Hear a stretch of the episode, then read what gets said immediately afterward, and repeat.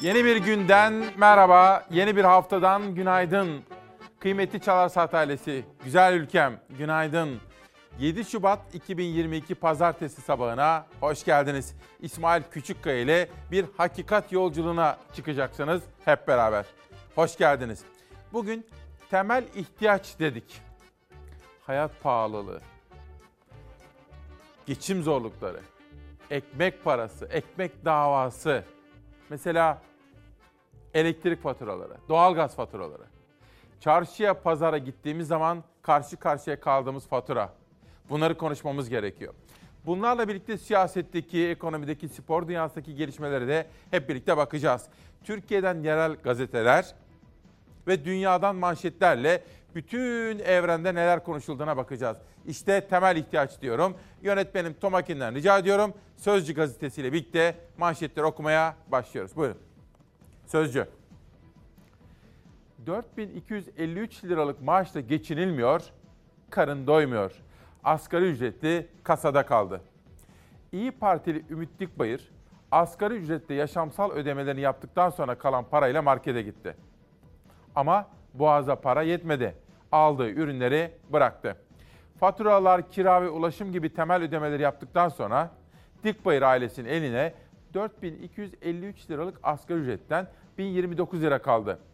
Ümit Dikbayır ve eşi markete gidip temel gıdaları almak istedi. Geçen ay aynı gelir ile aynı marketten 41 ürün alabilen Dikbayır bu ay kasada çarpıldı.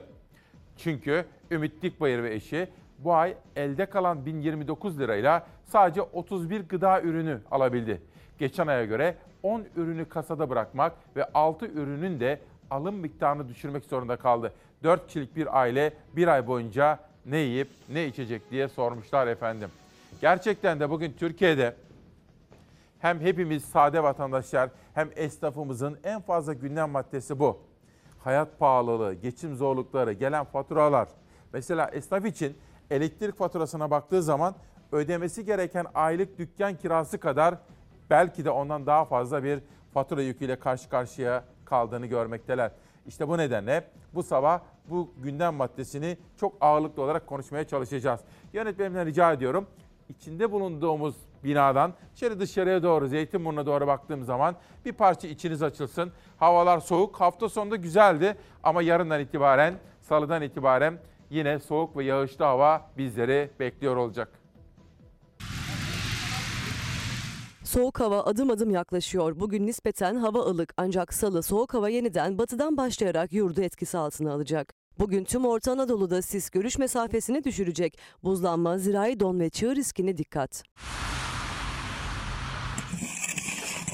Bugün batı bölgelerde sıcaklık birkaç derece daha artacak. Güne başlarken yurdun genelinde yağış yok. Ancak öğle saatlerinde Ege ve Trakya'dan yeni yağış yurda giriş yapacak. Günün sonunda İstanbul'da da hava yağışlı olacak. Zamanla Ege'nin iç kesimleriyle Batı Akdeniz'de yağışın etkisi altına girecek.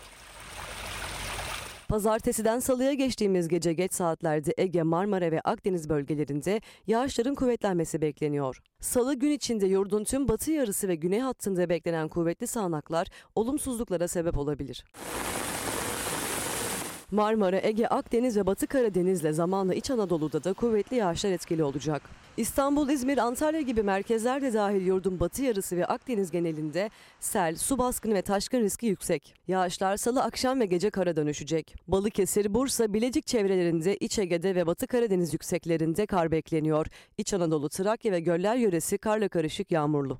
Kar yağışının elektrik kesintisi ve pek çok olumsuzluğa sebep olduğu Isparta'da salı günü kuvvetli yağışlar karla karışık yağmur şeklinde düşebilir geç saatlerde. Isparta'ya kar yeniden salı gece ve çarşamba günü gelecek gibi görünüyor ancak geçen seferki kadar kuvvetli olmayacak. Salı kuvvetli yağışların beraberinde fırtına da bekleniyor. Marmara'da Poyraz fırtınası olumsuzluklara neden olabilir. İlave olarak soğuk esecek ve üşütecektir. Marmara dışında yağışın etkili olduğu yerlerde salı günü lodos fırtınası bekleniyor. Lodos baca zehirlenmelerine neden olabilir. Yurdun pek çok kesiminde etkili olacak fırtına, uçma, kopma, devrilmeler yaşatabilir, ulaşımı aksatabilir. Hafta sonu ve bugün artan sıcaklıklar kuvvetli yağışlarla birlikte düşüşe geçiyor. Salı günü Marmara'dan başlayarak yurt soğuk havanın etkisine girecek. Pazartesiden salıya batı ve iç kesimlerde 5 ila 7 derece birden soğuma bekleniyor. Çarşamba günü bir kademe daha soğuyan hava yurdun pek çok noktasında yağışları kara çevirecek. Temel ihtiyaç dedik ya bu sabah, temel ihtiyaç. Temel ihtiyaçlara ulaşıp ulaşamadığımızı da konuşmamız gerekiyor. Adana Minibüsçüler Odası Başkanı Nihat Sözütek çok zor durumdayız diyor efendim bakın. Ve bizimle iletişime geçmek istiyor. Hafta sonunda bazı ailelerle karşılaştım. Yanlarında pırıl pırıl gençler vardı çocuklarımız. Siz ne yapıyorsunuz dedim. Okulu bitirdik dediler. Ne yapıyorsunuz peki? Ücretli öğretmenlik yapıyorum diyor. Ne kadar maaş alıyorsunuz? Girebildiğim derse göre değişiyor. Mesela dedim işte 2000 lira civarında alabiliyorum dedi. Pırıl pırıl felsefeyi bitirmiş bir kızımızla karşılaştım mesela. Bir başkası tarih okumuş. Farklı farklı bölümler. Nilgün Kaya mesela yazmış bana bir anne. Benim kızım ücretli öğretmenlik yapıyor diyor. Neyse bir haberi okuyayım ondan sonra Nilgün Kaya'nın ücretli öğretmenlik meselesine ve işsizliğe de gençlerimize de değineceğiz. Bu bizim görevimiz diyorum. Ve Sözcü'den pencereye geçiyorum. 21. yüzyıl Türkiye'sinde dedik ya, hatırlıyor musunuz? Bundan 7-8 gün kadar önce çok konuşulmuştu. 21. yüzyıl Türkiye'sinde, Türkiye'nin büyük ve güzel kentlerinden birisinde 4 gün elektrik verilemedi efendim. Isparta, Güller Diyarı'nda. 21. yüzyıl Türkiye'sinde bunu da yaşadık. Isparta dramı, pencereden okuyorum. 3 Şubat'ta başlayan kar yağışının ardından Isparta'nın dünyayla bağı koptu.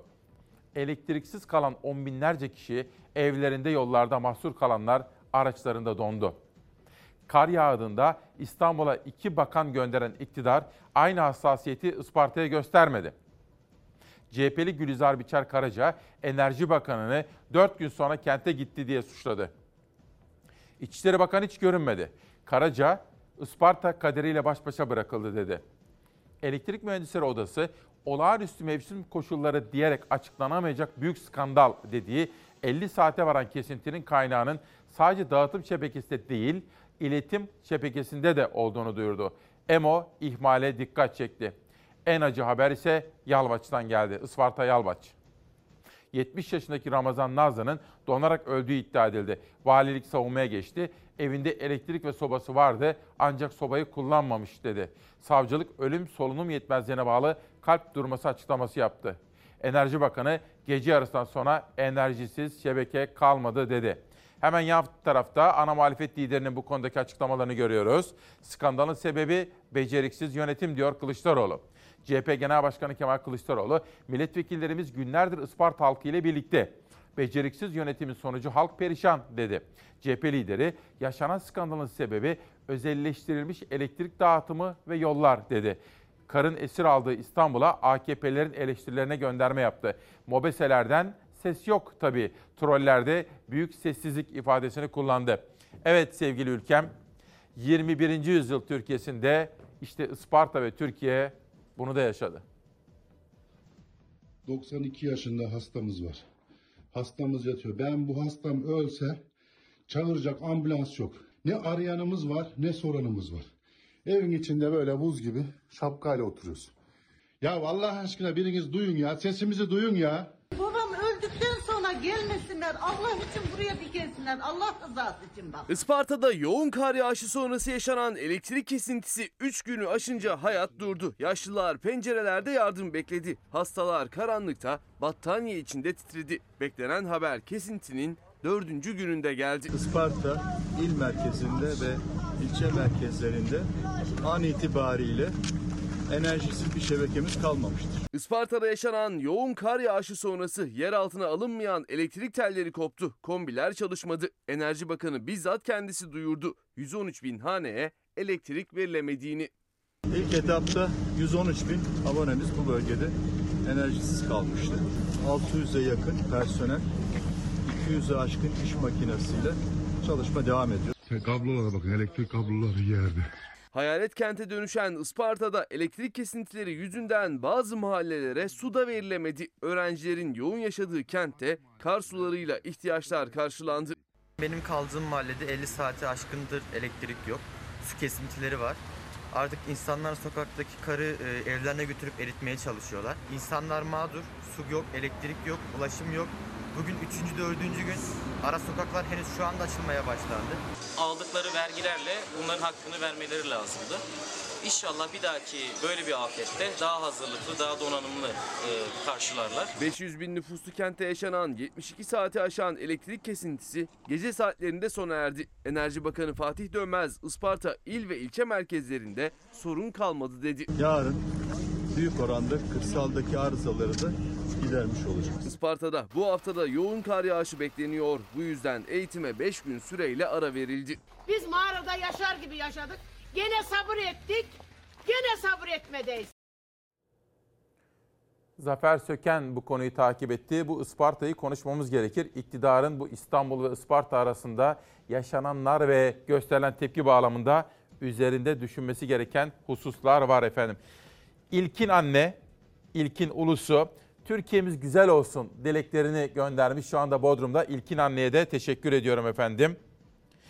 Bakın bir esnaf Faruk Ügümü. Son ödeme tarihi 15 Şubat. Elektrik faturam 15 bin lira geldi diyor.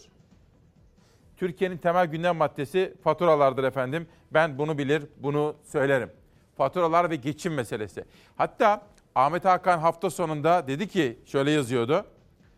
İktidarın Ekrem İmamoğlu'ymuş, Kemal Kılıçdaroğlu'ymuş, ittifakmış. Bunları bir tarafa bırakıp faturalarla ilgilenmesinin vakti geldi de geçiyor dedi. Çok doğru bir yerden sesleniyor efendim. Çok önemli bir husus. İktidar İmamoğlu derken, Kılıçdaroğlu derken vatandaş yandım Allah diyor faturaları görünce. Sözcü Pencere ve İstiklal Gazetesi elektrik isyanı. İstiklal Gazetesi'nden okuyorum. Elektriğe gelen faiz zamların ardından isyan eden esnaflar gelen elektrik faturası tutarını dükkanların camına asarak tepki gösteriyor. Bakın bize gelen elektrik faturası 45 bin lira. Mağazamıza gelen elektrik faturası 31.400 lira. İşte bu sabah bütün bu hususları da detaylı olarak konuşmaya gayret edeceğiz. Sizlere cuma günü üzüntümü ve üzüntümle birlikte ortaya çıkan tepkimi ifade etmiş ve bir söz vermiştim. Ecdat Yadigarı Süleymaniye, o silüeti bozanlara hem belediyeye hem ilim yayma cemiyetine seslenmiştim. Ve hafta sonunda çalıştım. Hafta sonunda bu konuda önemli gelişmeler yaşandı. Taraflarla da konuştuk, takip ettik. Bugün ana gündem maddelerimizden birisi de Süleymaniye olacak. Süleymaniye'yi kurtaracağız. Evet, Süleymaniye'yi kurtaracağız. Ecdadımıza saygısızlık yapılmasına göz yumamayız diyor ve sabaha geçiyorum. Hamdolsun hafif geçiyor.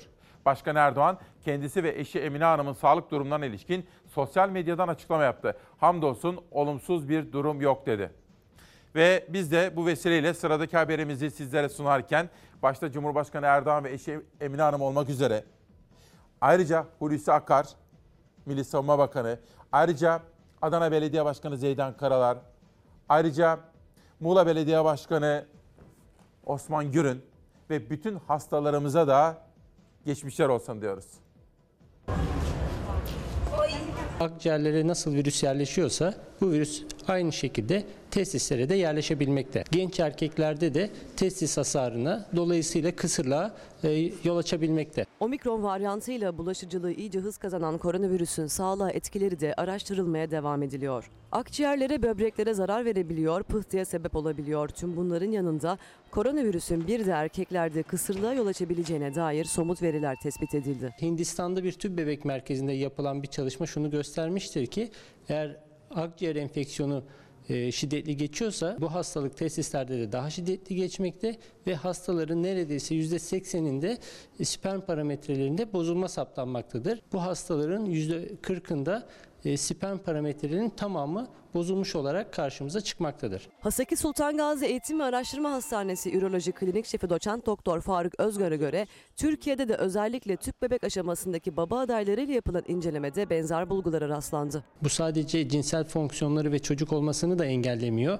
Aynı zamanda bilişsel fonksiyonları, kemik ve kas kütlesinin de azalmasına yol açabiliyor. Mutlaka aşı yapmalıyız. Bu aynı zamanda bizim akciğerlerimizi koruduğu gibi bizim e, testislerimizin hormon üretimini, üretimini ve sperm üretimini de koruyacaktır. Virüsün hızlı yayılan, hastalığın daha hafif seyretmesine yol açan varyantıyla mücadele ediyoruz. Bu durum sizi ihmalkarlığa sevk etmemeli. Sağlık şartları Covid-19 ağır geçirmesine neden olacak insanlar var. Tedbirli olalım. Yaşlı genç hatırlatma dozu aşılarımızı yaptıralım. Sağlık Bakanı Fahrettin Koca son paylaşımında ihmalkar davranılmamalı dedi. Bir kez daha aşı çağrısı yaptı. Dün 412.352 kişi test yaptırdı. Günlük vaka sayısı ise 90 bin seviyelerinde kaldı. 24 saatte 201 kişi virüs yüzünden hayata gözlerini yumdu. Pandemi hastanesi olarak e, ilan edilen hastanelerde kapatılan servisler yeniden açılmaya başladı. Diyarbakır genelinde test pozitiflik oranı %60 civarında. Aşılama oranlarının en düşük olduğu iller Doğu ve Güneydoğu Anadolu bölgesinde. O illerden Diyarbakır'da da son bir haftada vakalarda 5 kat artış yaşandı. Şimdi bakın herkes bana faturalarını gönderiyor. Esnaf, esnafın aylık elektrik faturası aylık kira bedelinin üzerine çıkmış efendim. Ve bu arada son günlerde bir durum ortaya çıkmaya başladı. Turizm sektörü de bu sene umudumuz olacak her zamanki gibi ama otellerin elektrik faturaları ve maliyetleri de çok artmış diyorlar. Belki de bu arada Kültür ve Turizm Bakanı Mehmet Nuri Ersoy'un bu konuya da eğilmesinde ve bu konuyu Bakanlar Kurulu'nun gündemine getirmesinde de fayda olabilir. Bilemiyorum. Böyle bir serzeniş geliyor çok farklı kesimlerden. Gökçe, elektrik, su, gaz ve internet temel ihtiyaçtır. Faturalar toplamı kira bedelini aştı derken Abdülkadir Bey korona kısırlık yapıyormuş hemen gidip aşımı olacağım diyor. Bakın Abdülkadir Bey henüz aşısını olmamış galiba ama kısırlık haberini görünce koştura koştura gidecek aşısını olacakmış diyoruz. Cumhuriyet Gazetesi. Evet korona hastalığının beklenmeyen etkileri de olduğu göz önüne alınırsa aşımızı mutlaka yaptıralım efendim. Ve işte bu da Cumhuriyet. Beceriksizlikte dördüncü gün. Yıl 2022. Isparta'nın birçok yerine hala elektrik verilemiyor. Mum ışığında oturan, battaniyelere, yorganlara sarılıp ısınmaya çalışan yurttaşlar ulaşmakta güçlük çektikleri yetkililer tarafından öldünüz mü elektriksiz diye azarlandıklarını söyledi. İlgisizliğe tepki gösteren yurttaşlar mağarada yaşıyor gibiyiz dedi. Kaderine terk edilen kentin AKP'li belediye başkanı Şükrü Başdeğirmen bu 2-3 günlük sıkıntı bizleri rahatsız etmedi. Etmemesi de gerekiyordu savunması yaptı. Ukrayna dönüşü bölgeye giden Bakan Dönmez enerji hatlarında tamiratın sürdüğünü açıkladı. Şimdi böyle bir şey olamaz efendim bakın kabul edilemez. 4 gün. Lütfen empati yapınız. Yani kendinizi Ispartalıların yerine koyunuz. Yıl gelmiş 2022'ye, 21. yüzyıldayız. Isparta'dayız. Kar yağmış. Hadi birkaç saatlik arıza olabilir, şu olabilir, bu olabilir. Ama 4 gün bu soğukta ısınamadın, aydınlanamadın. Bunun bir sorumlusu var mı yok mu diye de soralım ve hemen komşu ilimize Antalya bir çevre manşeti için Akdeniz'e gidelim. Makine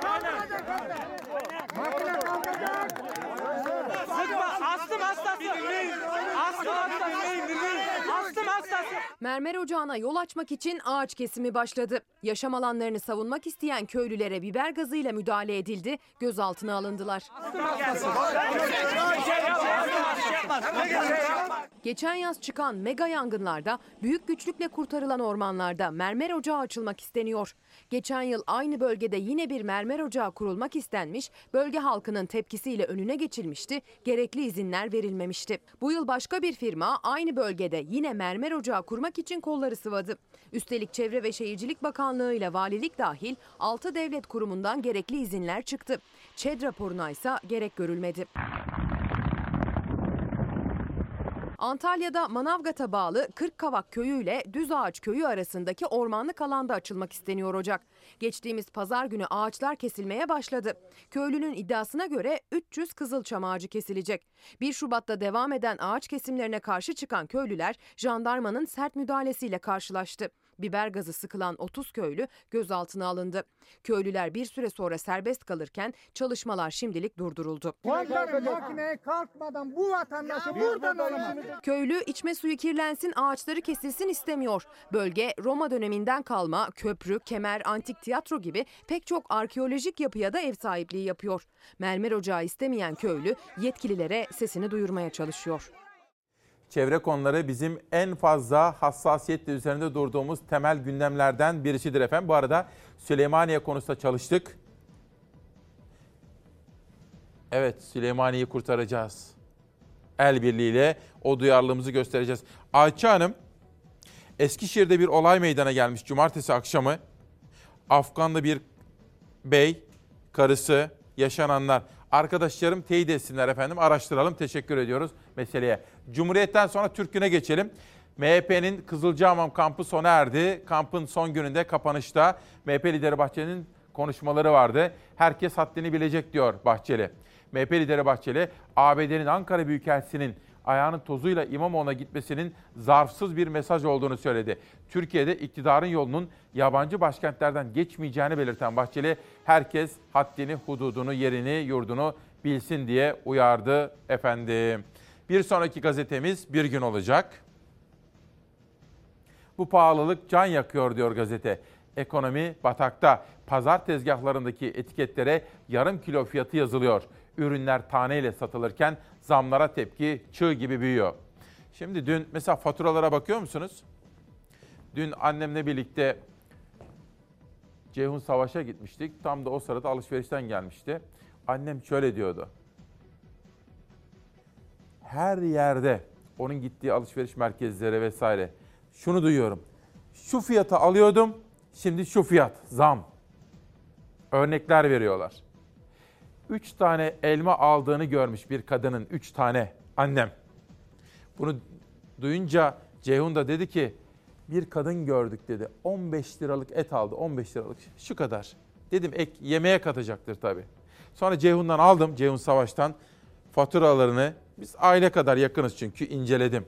Gerçekten de hayat artık ateş pahası efendim. Yani Türkiye'nin bir numaralı konusu bu.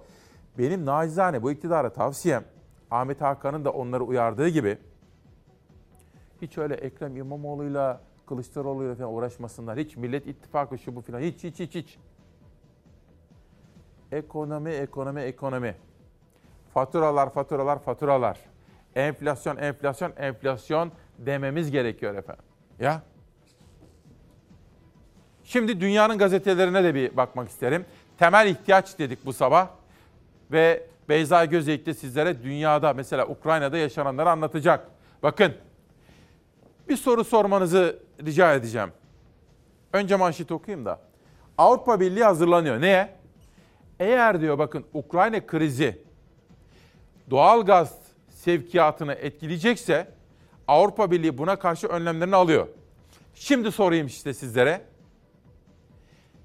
Ukrayna'da savaş patlar ise biz doğal gaz konusunda hazırlıklı mıyız? Tedbirimiz var mı? Ne dersiniz? Bu manşetlerden birisi. Hemen yanında bir manşet daha var. Bakın. Çin'de kış olimpiyatları başladı.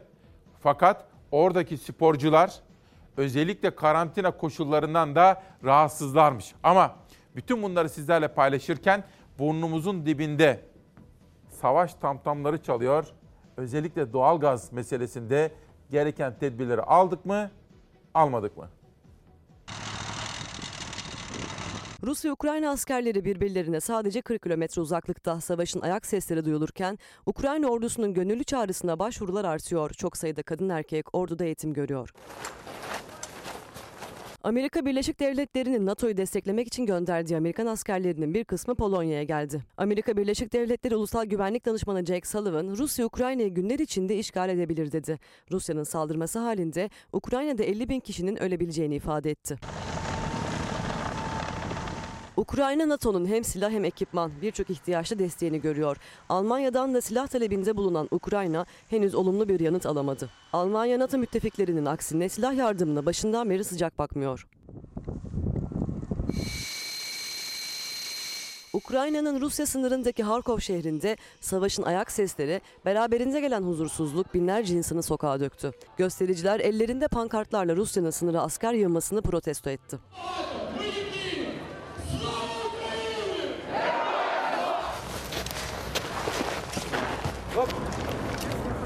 Görüntülerde Ukraynalı gönüllüler var. Kadın erkek çok sayıda gönüllü orduya başvurdu. Olası bir savaş halinde savaşmak için Ukrayna askerinden eğitim aldılar. Ben diyor ücretli öğretmenlik yapıyorum. Elime geçen maaş 2000 lira, 2100 lira diyor. Çocuklarımızı okuttuk, büyüttük. İşte Nilgün Kaya gibi annemizin söylediği gibi. onlara böyle bir hayat mı, böyle bir gelecek mi sunacaktık efendim? Hayır. Onlar daha iyisini hak ediyorlar. O nedenle onlara aydınlık bir gelecek için parlak birer hayat ve kariyer sunabilmemiz gerekiyor. Önceliğimiz bu olmalı. Bir günden okuyalım haberi. Bu arada hafta sonunda değerli kıymetli sanatçımız Nedim Saban'la bir araya geldik. Kendisiyle sohbet ettik. Sizlere de selamları var. Kültürden, sanattan, tiyatrodan bahsedeceğim. Onun yaklaşımlarını da sizlere zaman zaman anlatmaya çalışacağım. Bu pahalılık can yakıyor diyor Bir Gün Gazetesi. Milyonlarca yurttaş yüksek enflasyon altında ezilirken fiyatlar artık çarşı pazarda günlük olarak zamlanıyor. Pazar tezgahlarına kilo fiyatları değil yarım kilo etiketleri konuldu. Faturaların yüksekliği nedeniyle yurttaşta sebze meyveye para kalmayınca taneyle alışveriş dönemi başladı. İstanbul Mecidiyeköy'deki pazarda yurttaş ve esnafa mikrofon uzattık. Herkes şikayetçi diyor. Tezgahtaki fiyatların bir hafta öncesine göre iki katına çıktığını belirten pazarcı esnafı artışın gerçek enflasyonu yansıttığını söyledi. Esnaf Salih Çakay, etikette kilo fiyatını yazmıyoruz yoksa yanaşmıyorlar. Zaten 3-4 adet alıyorlar dedi. Alışveriş yapan yurttaşlardan biri yakında yemek yapamayacak hale geleceğiz ifadesini kullandı diyor efendim. Hemen yan tarafta gıda fiyatları gibi elektriğe yapılan faiz zamlar halkı canından bezdirdi. Ülkenin pek çok noktasında yurttaşlar sokaklara çıkarak elektrik faturalarını yaktı. Antalya'daki açıklamada temel ihtiyaç kalemlerindeki zamlar geri alınmalı çağrısı yapıldı. Mardin'deki eylemde istifa sloganları atılırken Hakkari'de yapılan protestoda soygun var denildi. Esnaf ise işte biraz evvel sizlere Faruk Ügümü'nün mesajını da attım. 45 bin lira faturalar, 15 bin lira elektrik faturası mesela Faruk Bey'inki. Esnaf yüksek zamlı gelen faturalarını dükkanının camlarına astı. İstanbul'da bir lokantaya 45 bin liranın üzerinde elektrik faturası geldiği görüldü. Elektrik zamlarının geri çekilmesi için enerji şirketlerine dava açacağını duyuran Sol Parti imza kampanyası düzenleyerek yurttaşlardan davaya destek olmalarını istedi. Şimdi belki de belki de bu elektrikteki özelleştirme politikalarını sorgulamamız gerekiyor. Ben bugüne kadar özelleştirme karşıtı olmadım. Bunun verimliliği artıracağına inanırdım. Ama son zamanlarda gördüklerimden sonra özellikle elektrik gibi, telekom gibi hassasiyet kesbeden sektörlerdeki hele hele bu tarz hatalı özelleştirme tercihlerinin faturasını hepimiz ödüyoruz. Mesela şöyle düşünün. Elektriği devlet şirkete kaça veriyor? Devletten aldığı fiyatın üzerine şirket ne kadar koyarak vatandaştan fatura alıyor? Çok basit bir hesaplamayla aslında bunu ortaya çıkarabiliriz diyor ve bir sonraki gazeteye geçiyorum. Analiz. Valla gözümüz kulağımız turizmde. Bu sene iyi rakamlar gelirse bir parça rahatlayabiliriz. Türkiye Akdeniz çanağında en çok ziyaretçi ağırlayan ülke. Turizme en fazla TL destek veriyor. Yeni ekonomi modelini cari denge üzerine kuran Türkiye, rekor ihracatın yanında turizmdeki başarısı modern tesisleri ve uygun fiyatlarıyla bölgesinde liderliğini koruyor. Türkiye'nin avantajlarına Türk lirasındaki zayıflık destek veriyor. Sektörün bu sene 2019 yılındaki gelir ve turist sayısını yakalaması bekleniyor diyor efendim. Ama sizlere geçtiğimiz günlerde Dalyan'dan Yücel Okutur'un mesajını da aktarmıştım. Rezervasyonlar güzel. Güzel ama Ukrayna'da aman aman aman aman bir kötü bir gelişme olmasın yoksa bizi mahveder diyordu turizm sektörünün önde gelen isimleri. Bu arada biraz evvel korona ile ilgili güncel rakamları ve uzman görüşlerini sizlere aktarmıştık. Şimdi siyasilere de geçmiş olsun diyeceğiz. Erdoğan ailesine, Karalar'a, Adana'ya, Osman Gürün'e, Muğla'ya, Hulusi Akar'a Milli Savunma Bakanı'na ve şifa bekleyen bütün hastalarımıza şifa dileklerinde bulunuyoruz. Ve şu an Sağ olun. Yani ben çünkü bu. Evet efendim biz biz de hiç alışık değiliz Sayın Cumhurbaşkanım. Evet. Şimdi böyle bir durum oldu. Yani bizi eve hapsettiler. Fakat bu hapis hayatından da kurtulacağız inşallah. Koronavirüs testi pozitif çıkan Cumhurbaşkanı Erdoğan hastalık hafif seyrediyor dedi. Çalışmaya evden devam ettiğini söyledi. Erdoğan'dan sonra Milli Savunma Bakanı Hulusi Akar'ın da koronavirüse yakalandığı açıklandı. Şu anda doktorlarımız vesaire e, fazla uzun süreler tutuyorlar.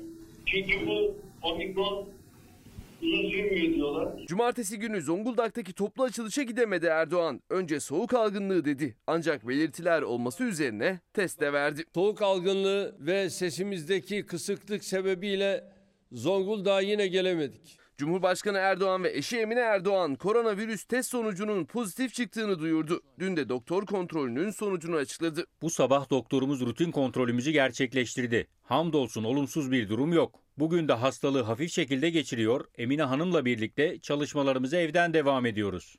Şu anda evde istirahatli çalışıyoruz. Erdoğan'ın koronavirüse yakalanmasından sonra siyasetten, muhalefetten geçmiş olsun dilekleri arka arkaya geldi. Ülke liderlerinden de geçmiş olsun mesajları. Onlardan biri son dönemde buzların eridiği İsrail Cumhurbaşkanı Herzog'tandı. En çok dikkat çekense Putin'in samimi mesajı oldu. Değerli dostum, sizi ve eşinizi içtenlikle desteklemek isterim. Hayat enerjiniz ve iyi ruh halinizin virüsle en kısa sürede başa çıkmanıza yardımcı olacağına eminim. Sizlere içtenlikle geçmiş olsun dileklerimi iletir, uzun yıllar boyu iyi sağlıklar dilerim. Kabineden bir Covid pozitif haberi daha geldi. Milli Savunma Bakanı Hulusi Akar'ın koronavirüse yakalandığı açıklandı. Sağlık Bakanı Fahrettin Koca, Akar'ın hafif belirtiler dışında sağlık durumunda bir sorun yoktur mesajını paylaştı. Koronavirüse yakalanan bir diğer isimse Adana Büyükşehir Belediye Başkanı oldu. Zeydan Karalar ikinci kez virüse yakalandı. O da durumunun iyi olduğunu duyurdu. Geçmiş olsun diyorum. Esat Mahmut Twitter'da ben emekliyim. Isınmak için paltoyla oturuyorum evde diyor. Yatarken de battaniyeyle ısınmaya çalışıyorum. Sonra ekliyor. Ben bu iktidara neden oy vereyim artık diyor. Onu bilemem. Ama yaşadığınızı burada aktarmaya gayret ederim. Bakın bir başkası Ostim'den Emel Uslu Atık. Faturaları gönderelim mi size diyor. Ostim'deki esnaf üretici perişan. Mesela matbaalar çalışmıyor, sanayi durdu. Ostim'in çalışanları üreten kesim perişan diyor bakın. Ya gündem bu. O nedenle bugünkü manşetimiz İsmail Küçükkale Demokrasi Meydanı'nın bugünkü etiketi temel ihtiyaç. Isınma temel ihtiyaçtır. Barınma temel ihtiyaçtır. Yeni Şafak. Çok üzülmüştüm. Üzüntümü de ortaya çıkan tepkimi de ifade etmiş ve bir çağrıda bulunmuştum. Hafta sonunda bu konuda çalıştım. İlim Yayma Cemiyeti o sesi duydu.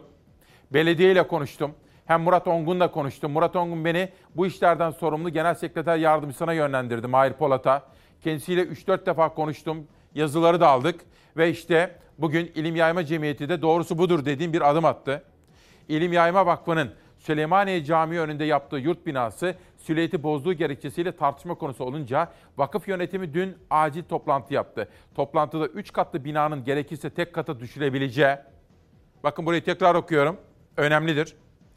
3 katlı binanın gerekirse tek kata düşülebileceği, hatta yurt binasından vazgeçilebileceği belirtildi. Vakıftan yapılan açıklamada da Süleymaniye'nin ruhuna zarar verebilecek herhangi bir girişimi önce biz kabul etmeyiz denildi. Bunu önemli sayıyorum. Doğrusu budur diyorum. İlerleyen dakikalarda bu konuda hem vakıftan gelen hem de belediyeden gelen açıklamalarla birlikte İmamoğlu'nun tepkisi de içinde olacak şekilde sizlere haber olarak sunacağım. Ve iki haftalık ara tatil, sömestr tatili bitti. Çocuklarımız okula başladılar, okula döndüler. Önce tedbirlerini alsınlar diyelim. Sonra Allah hepsine zihin açıklığı versin diyelim. İki haftalık ara tatil sona erdi. 2021-2022 eğitim öğretim yılının bahar dönemi başladı. Bugün 18 milyon öğrenci ders başı yapıyor. Geçen yıl salgın nedeniyle uzaktan yapılan eğitim sonrası bu yıl yüz yüze eğitimle başladı eğitim öğretim dönemi. Öğrenciler 6 Eylül'de tam zamanlı olarak ders başı yaptı. Yüz yüze eğitime ara verilmedi geçen süreçte. Pozitif vakaların olduğu sınıflarda karantina uygulaması yapıldı yalnızca. Onun dışında eğitim öğretim normal şartlarda olduğu gibi uygulandı güz yarı yılında. 18 milyona yakın öğrenci 24 Ocak'ta yarı yıl tatiline girdi. 2 hafta boyunca dinlendi tatil yaptı. Şimdi ise okula dönüş zamanı. Bugün milyonlarca öğrenci ders başı yapıyor, okuluna kavuşuyor. Bahar döneminde ara tatil 11-15 Nisan arasında yapılacak. 2 Mayıs'ta ise Ramazan bayramı başlayacak. 2021-2022 eğitim öğretim yılı 17 Haziran 2022 Cuma günü sona erecek. Bu arada efendim Süleymaniye konusunu takip edeceğim. O işi çözeceğiz mutlaka. Geçmişte de böyle girişimler olmuş. Sevgi Turanlı anne bana dedi ki 60'lı yıllarda da benzeri girişimler olmuş. Ve o arada Zeynep Dirvana, şimdi bilmiyorum 70'li yaşlarında belki de 80'lerindedir kendisiyle konuştum. O tarihlerde yazı işleri müdürüymüş. Ve yine Süleymaniye'nin silüetini bozacak şekilde bir inşa girişiminde bulunulmuş da o zamanlarda nasıl önlenmiş bana anlattı detaylı olarak notlarımı aldım. Bu arada hanımefendi bugün ameliyat olacak Zeynep Hanım ona da geçmişler olsun diyorum. Bunu da Mine verdi, Mine Gür.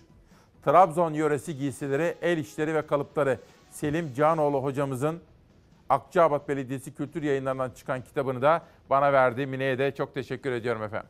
Müsaade ederseniz bir fincan sade kahve içeceğim. Dönüşte ekonomi, en çok faturalar, bu konuda neler yaşandığını sizlere bütün detaylarıyla aktaracağım. Evet faturalar konusu. Süleymaniye konusuna değineceğiz ve Ekrem İmamoğlu'nun burada yaptığı açıklamaya İlim Yayma Vakfı'nın kamuoyuyla paylaştığı duyuruya bakacağız. Bunun dışında özel hazırlıklarımız, sürprizlerimiz var. Avrupa İnsan Hakları Mahkemesi'nin verdiği karar ve bunun siyasete yansımaları. MHP'nin Kızılcahamam kampından yansıyanlar. İktidar muhalefet, bütün kesimlerden, esnaf, işçi, bütün kesimlerden haberlerimiz var. Ayrıca doktorlarımız ve sağlık çalışanlarımız zorda. Çok güçlü bir dönemde mücadele ettiler onlar. Güçlüklerle de mücadele ettiler. Ve İstanbul Tabip Odası Başkanı Pınar Sayıp hocamız biraz sonra demokrasi meydana gelecek ve ne istiyorlar, hangi talepleri var onlara da bakacağız. Bu arada reklama gitmeden evvel Çalasat gazetesini sizlere aktarmak isterim. Orkun kardeşim çizdi bakın. Böyle devam ederse dükkanı kapatacağız. İcra dairelerindeki dosya sayısı 22.9 milyona ulaştı. TESK Genel Başkanı Bendevi Palandöken elektrik zamlarına isyan etti. Esnafa özel bir tarife uygulanmalı diyor. AK Partili bir restoran sahibinin sözleri sosyal medyada yankı buldu. 42 bin liralık elektrik faturasına isyan ediyor ve Erdoğan'a sesleniyor. Başkanım diyor, başkanım bilesin hayat yaşanmaz hale geldi diyor. Sonra Bursa'ya geçeceğiz. Bursa'da esnaf elektrik faturalarını, ışıklarını bir saat söndürerek protesto ediyor. Elektrik faturam 27 bin lira, doğalgaz 15 bin lira. Bu fiyatlarla ticari faaliyetlerimi sürdürme imkanım yok diyor. Bugün işte bakın Anka Haber Ajansı'nda da Aksaraylı esnaf Emre Güler'den yüksek gelen elektrik faturalarına isyan eden Siirtli bir esnafımızdan sonra CHP'li Ahmet Hakan'ın bu konuda dinlediği esnafımızdan haberler sizlere aktaracağım. Bu arada bir de biraz evvel hastalarımıza şifa temennisinde bulunmuştum. Gülizar Biçer Hanım da milletvekili, o da genel başkan yardımcısı. Maalesef benim de korona testim pozitif çıktı dedi. Gülizar Hanım'a da buradan geçmişler olsun diyoruz. Evet şimdi ben bir sade kahve için müsaadenizi istiyorum. 7 Şubat 2022'de yeni bir gün, yeni bir haftaya birlikte başlıyoruz. Günaydın. Kıymetli Çalar Saat ailesi, güzel yurdumun güzel insanları. Günaydın, hoş geldiniz. Ve bugün İsmail Küçükkaya ile Hakikat Yolculuğunda temel ihtiyaç diyoruz. Temel ihtiyaç nedir acaba? Ekmek, beslenme, ısınma, barınma. Her birini konuşacağız. Bunun dışında sağlık. İstanbul Tabip Odası Başkanı Sayın Pınar Sayıp, Fox'ta, Demokrasi Meydanı'nda biraz sonra doktorlar ve bütün sağlık çalışanları ile ilgili duygularını, düşüncelerini ve gelişmeleri değerlendirecek efendim. Ve temel ihtiyaç şimdi gazeteleri okumaya başlıyorum. Bu kez pencereyle. Zam isyanı büyüyor. Pahalılıktan yakınmayan ya hırsızdır ya deli. Elektrik, doğalgaz, akaryakıt ve gıda fiyatlarına gelen ard arda zamlara tepkiler büyüyor. Son olarak komedyen Cem Yılmaz sosyal medya hesabından isyan etti. Bence hayat pahalılığına yakınmayan biri ya hırsızdır ya deli diyen Yılmaz her şeyin simit fiyatı üzerinden konuşulmasından şüphelenmesi gerektiğini aktardı. Yılmaz Twitter hesabından yaptığı paylaşımda şu ifadeleri kullandı. Eskiden şey vardı. Ödediğiniz vergiler size yol su elektrik olarak geri dönüyor.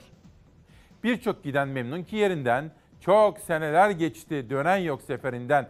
Bence hayat pahalılığına yakınmayan biri ya hırsızdır ya deli. İyi günler demiş efendim. Peki sizler de yakınıyor musunuz hayat pahalılığından? İyi günler efendim.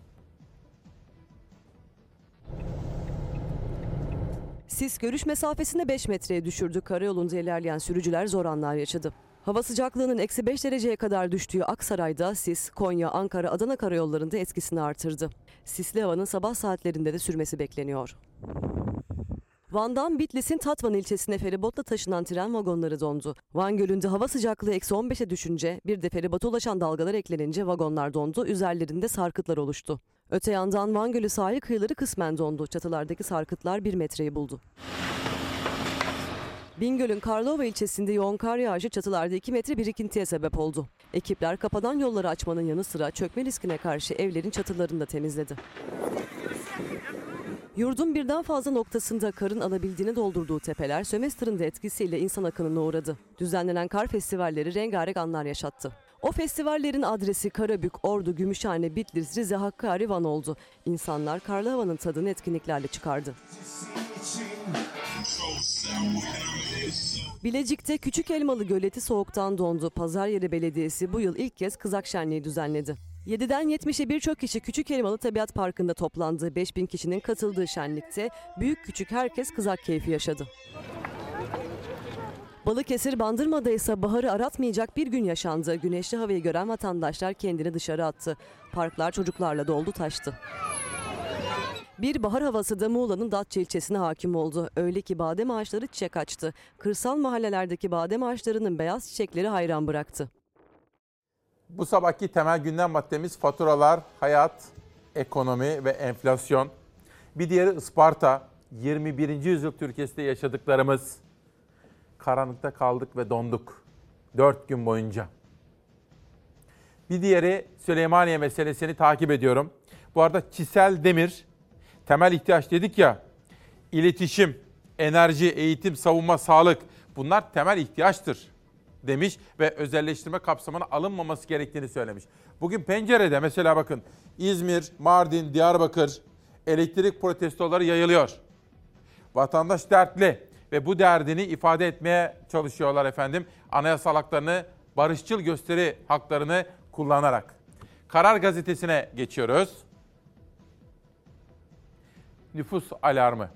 TÜİK verileri hep en büyük güç olarak görülen genç Türkiye tablosunun hızla değiştiğini, nüfusun yaşlandığını gösterdi. 0-14 yaş grubundakilerin sayısı da son 2 yılda geriye gitti. Nüfustaki 1 milyonluk artışa en büyük katkının yabancılardan gelmesi de dikkat çekti. Türkiye ithal nüfusun ayakta tuttuğu gerçeği kritik konuda acil bir gelecek vizyonu oluşturulması gerektiğini gösteriyor. Neden böyle peki? Neden? İnsanlar çocuk yapmıyorlar. Neden? Bunu konuşalım değil mi biraz? Bunun bir sebebi var. Sosyolojik, ekonomik. Konuşmamız gerekiyor. Ve Isparta konusu. Isparta'ya ilişkin bir manşet. Muhalefetten Isparta tepkisi. Skandalın sebebi elektriğin özelleşmesi. 72 saat karanlıkta kalan Isparta'da yaşananlar dağıtım şirketlerine yönelik denetimsizliğin geldiği boyutu gösterdi. Kılıçdaroğlu skandalın sebebi özelleştirilmiş elektrik dağıtımı ve yollar dedi. Saadet Partisi lideri de kabul edilemez vurgusu yaptı. 21. yüzyıl Türkiye'sinde 2022 yılının Ocak Şubat ayında Türkiye'nin bir kenti Isparta 4 gün karanlıkta kaldı ve buz tuttu. Hayatınızda sadece mum vardı, mum. Gaz lambası vardı, gaz lambası. Al işte mum da var. Mumu da yakmışsınız. Ben bunu da yaptım. Yazık ya. Hatırlattı birileri. Erdoğan'ın mum çıkışına CHP o mumun günlerdir yandığı karanlık Isparta'dan yanıt verdi. Karanlığa gömülen Isparta için iktidar sessiz ama CHP ve İyi Parti dördüncü gün şehre girdi. 430 bin vatandaşımız mağdur olmuş. Kimin kusuru beceriksizliği varsa bunun bedelini ödeyecek. Buraya düşen kar İstanbul'a düşen kardan çok daha fazla değil. Isparta kaderine terk edilmiş ben size söyleyeyim. Bir belediye nasıl üç gün yolları açamaz? Bir Ulaştırma Bakanlığı nasıl yolları açamaz? Biz bugün bile şuraya zor girdik. Beceriksizliğin dik alası buradaki. İstanbul'a kar yağışı başladığında ertesi gün 3 bakanı İstanbul'a gönderen saraydaki tek kişilik hükümete soruyor. Enerji Bakanı neden dördüncü gün geldi? Kaldı ki bakanın görevi gelip burada karla mücadele eden araçların başında bekleyerek şov yapmak değildir. 72 saat bitti. Dördüncü güne getirdik artık. Bu elektrik yok Tabii. Isparta'da. 500 bin nüfuslu yerde böyle bir şey Görülmüş şey değil. İnsanın zoruna giden şu. Bu vatandaşı ben nasıl zor durumdan kurtarırım diye. Bir düşünülmesi lazım. Ama maalesef bunlarda bu yok. Mum ışığında anlattı derdine gece saat 02.09'du. Bu saatte hala uyuyamamaların nedeni ise soğuğa da mahkum olmaları. Kar yağışıyla birlikte giden elektrikle Isparta'da hayat durdu. Mum ve gaz lambasıyla aydınlanıyorlar. Tam da Erdoğan'ın CHP'nin yönetimde olduğu yıllar için sarf ettiği o sözlerin ardından. Mum vardı mum. Gaz lambası vardı gaz lambası. Milletvekillerimiz günlerdir Isparta halkıyla birlikte. Beceriksiz yönetimin sonucu halk perişan.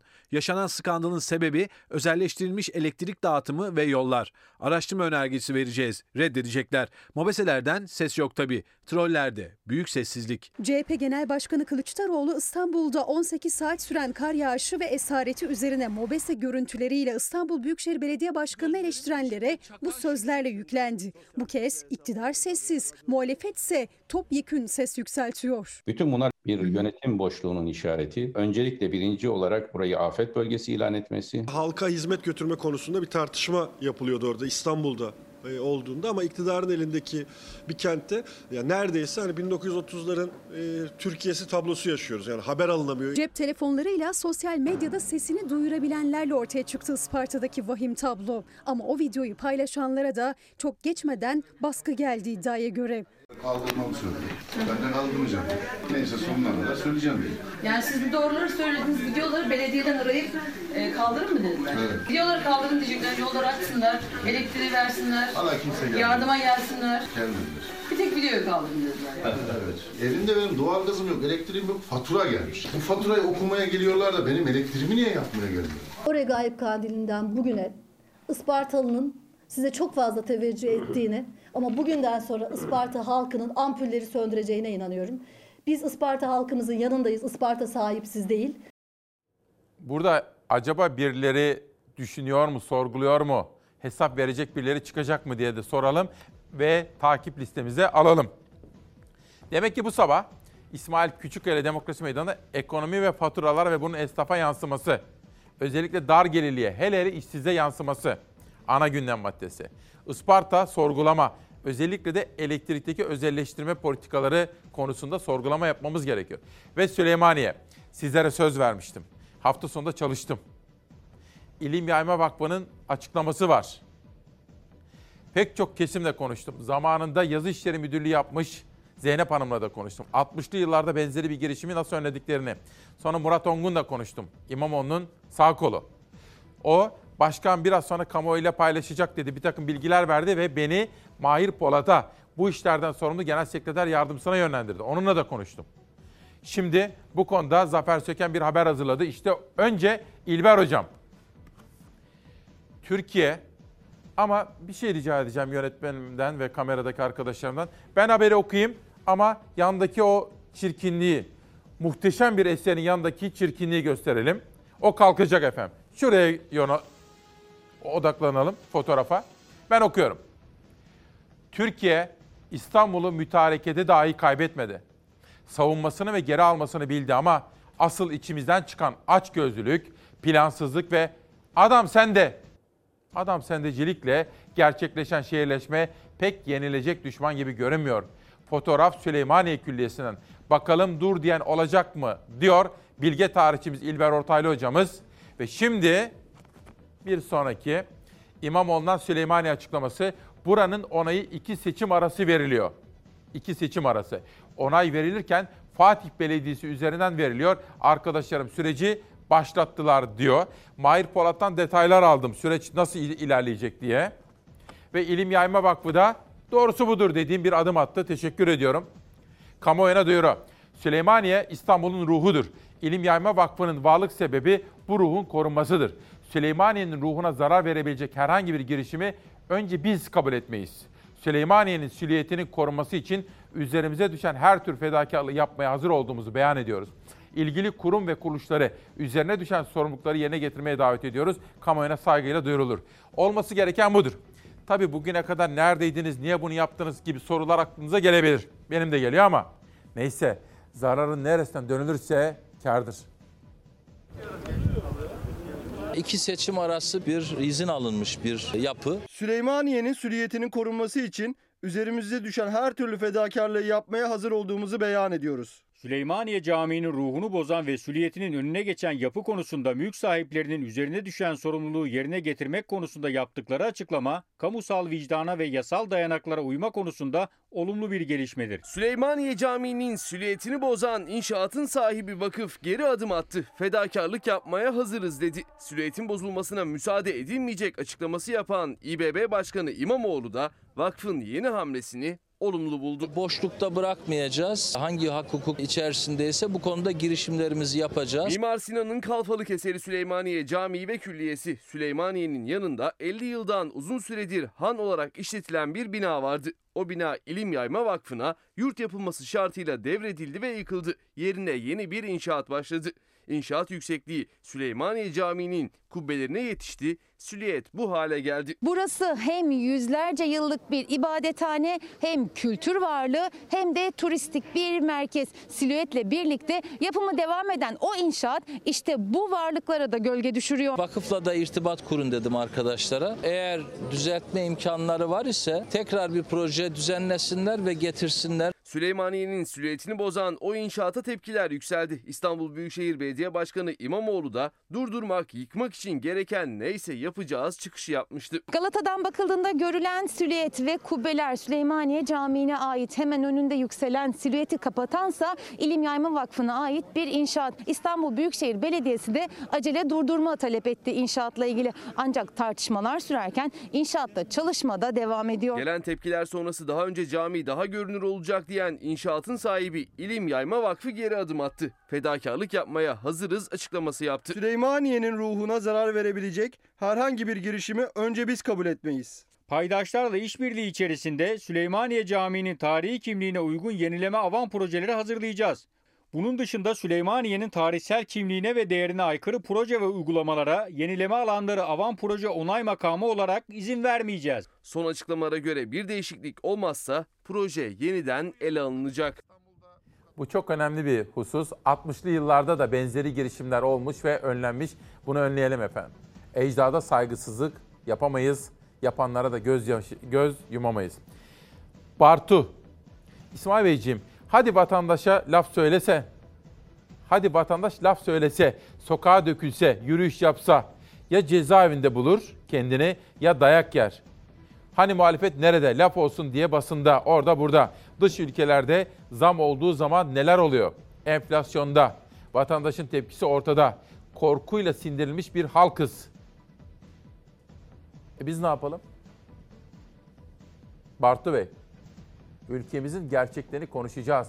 Herkes yasal ve anayasal çizgilerinde kalarak ama yasal ve anayasal haklarını da kullanarak, korkmadan. Burası Türkiye Cumhuriyeti. Korkaya gerek yok efendim diyorum. Aylin Hanım bir soru sormuş ama teknik bir soru. Ergenekon balyoz sürecine ilişkin ve şimdi 28 Şubat davası ile ilgili 14 ayrı komutanın da cezaevinde olduğunu söylüyor. Ama teknik bir belge onu bilmiyorum. Belki yayından sonra İlkay Sezer'e sorarım. O çünkü Ergenekon balyoz döneminde İlker Başbuğ'un da avukatlığını yapmıştı. Aylin Hanım'a teşekkür ediyorum ama teknik bilemem. Dolayısıyla bugün yayından sonra İlkay Sezer'le konuşur. Sizlere sağlıklı bilgi aktarırım söz veriyorum. Cumhuriyet'ten bir manşet. AKP'nin ekonomi politikaları orta gelir grubunu yok etti. Enflasyona engel olamayan AKP iktidarının ekonomi yönetimi öğretmenden memura, hemşireden mühendise, doktordan özel sektörde örgüsüz çalışana kadar tüm kesimlerin maaşlarını açlık ve yoksulluk sınırının altında bıraktı. Artan enflasyon nedeniyle birbiri ardına gelen zamlar çalışanları ezdi. Çalışanların %69'unun asgari ücret seviyesiyle açlık sınırında kaldığı Türkiye'de çalışan ve yoksulluğun giderek artması tepkileri de büyütüyor. Kamu çalışanları ek zam taleplerini dile getirirken sağlıkçılar yoksulluk sınırının altında çalışmanın bir halk sağlığı problemine yol açacağını belirtiyorlar diyor. Şimdi burada zaman zaman dile getirdiğimi bir kere daha tekrar etmekte bir beis görmüyorum. Mümkün olduğu kadar tekrardan kaçınmaya gayret ederiz ama eğer iktidar, iktidar mensupları bir sonraki seçime ilişkin kendi partilerinin, kendi ittifaklarının selametini düşünüyorlar ise veya ülkemizin, halkımızın selametini düşünüyorlar ise hiç öyle İmamoğlu'yla, Kılıçdaroğlu'yla, Millet İttifakı'yla falan hiç uğraşmasınlar. Hiç, hiç, hiç, hiç. Neyle uğraşsınlar biliyor musunuz? Ekonomiyle, faturalarla, hayat pahalılığıyla uğraşıp da üstesinden gelsinler. Şu anda Türkiye'nin yaşadığı kronik yüksek enflasyon, aynı o 1990'ların kronik yüksek enflasyon dönemine girmiş durumda. Enflasyon başta olmak üzere şu dönemde yaşadığımız her sıkıntının da üstesinden mutlaka geleceğiz. Söz veriyoruz. Düşürmeleri çok çok zor. Yapamayacaklar. Cumhurbaşkanı Erdoğan başta enflasyon her sıkıntının üstesinden geleceğiz sözü verdi. Ali Babacan o sözün ertesinde kronik enflasyon uyarısı yaptı. Enflasyonu düşüremeyecekler dedi. Çok geniş ve yoğun bir yoksulluk şu anda Türkiye'de yaşanıyor. Türkiye'nin 81 ilinde mahvetmiş durumda felaket bir durumla karşı karşıyayız yani. Küresel enerji ve emtia fiyatlarında yol açtığı fevkalade artışların enflasyonda hiç arzu etmediğimiz bir yükseliş yaşandı. Ocak ayı enflasyonu Cumhuriyet tarihinin en yüksek 5. enflasyonu çıktı. Yani. Ama maalesef enflasyon en çok da bu dar gelirli vatandaşlarımızı vuruyor. Orta direkt diye bir şey kalmadı. Hayat pahalılığı meselesini de çözeceğiz. Bilerek ve isteyerek bu ekonomik modeli uyguluyorlar. Bu ekonomik modelin temelinde de Türkiye'nin tepesindeki yüzde biri zengin etme var. Muhalefet iktidar ekonomide sınıfta kaldı. Kriz her geçen gün büyüyor. Geçim sıkıntısı vatandaşın belini büküyor. Sorumlusu Erdoğan ve ekonomi yönetimi diyor. Zamlarla katlanan faturalarda sıcak başlık. Kademe tarifenin miktarını aylık 150 kilovattan 210 kilovata yükselttik. Bu düzenleme dar gelirli vatandaşlarımızı bir parça rahatlatacaktır. En son ne zaman eline bir elektrik faturası geçti? Doğalgaz faturası gördüm acaba son yıllarda hiç? Yani şöyle elle alıp bir baktım o fatura nasıl bir şey. Türkiye'den ve gerçeklerden kopmuş bir hayat tarzı var orada. Liderlerin faiz tartışması da bitmek bilmiyor. Bu kardeşinize yetkiyi verin. Ha, ondan sonra bu faizle şunla bunla nasıl uğraşılır görelim. 4 yıl oldu 4. Bütçeye bir bakın. Tarıma verdiği desteğin tam 8 katını faiz olarak ödüyor bu devlet. Yazık günah ya. Türkiye'nin tepesindeki yüzde biri mutlu eden, onun servetini garanti altına alan bir ekonomik model uygularsam Türkiye'de iktidar koltuğunda oturmaya devam eder. Yani burada bir strateji var. Bir kere daha söyleyeyim. Sağlık çalışanlarımızın sesini de duyurmamız gerekiyor. Sinan Adıyaman da geçen gün mesaj attı. Hatta sonra danışmanımla Nihal Kemaloğlu ile konuştu. Bir takım bilgiler de gönderdi. Tabipler Birliği eski başkanlığı yapmış. Biz de Pınar Sayıp hocamızı davet ettik. Sağ olsun kırmadı. Şu anda Fox'a geldi. İstanbul Tabip Odası Başkanı. Sadece doktorların, sağlık çalışanlarının değil efendim. Hepimizin meselesidir bu. Bunu da unutmayalım diyorum. Bir mesaj daha geldi. Onu ama şu haberden sonra okuyarak hakim olduktan sonra sizlerle paylaşacağım. Edirne Hudut. Mazot oldu zamot. CHP Edirne Milletvekili Okan Gaytancıoğlu artan maliyetler nedeniyle beli bükülen çiftçinin yaklaşan ilkbahar ayında Ekim öncesi kara kara düşündüğünü söyledi. Deposu 3 ay önce 700 liraya dolan bir traktörün bugün 1400 liraya dolduğunu söyleyen Gaytancıoğlu, AKP iktidarının uyguladığı yanlış tarım politikalarından dolayı üreticilerimiz üretemez hale gelmiştir dedi. Edirne'den Adana'ya geçelim. Bu arada Mehdi Eker'in eskiden Tarım Bakanlığı da yapmış bir isim. Onun yeni bir kabine değişikliğinde ismi Tarım Bakanı olarak geçiyor yeniden siyaset kulislerinde. Edirne'den Çukurova'ya geçelim. Gündem Çukurova işbirliğine hazırız diyor. Bu arada Zeydan Karalar'a da Osman Gürün'e de Cumhurbaşkanı Erdoğan ve eşine de Hulusi Akar'a da Milli Savunma Bakanı'na da korona yakalandılar. Geçmişler olsun diyelim. Türkiye hemen her alanda olduğu gibi sanayide de farklı bir dönemden geçiyor. Pandeminin etkisi bertaraf edilmeye çalışılırken bir de ekonomik krizin ağır yükü sanayiciyi zora soktu diyor Mine Yormaz'ın haberi.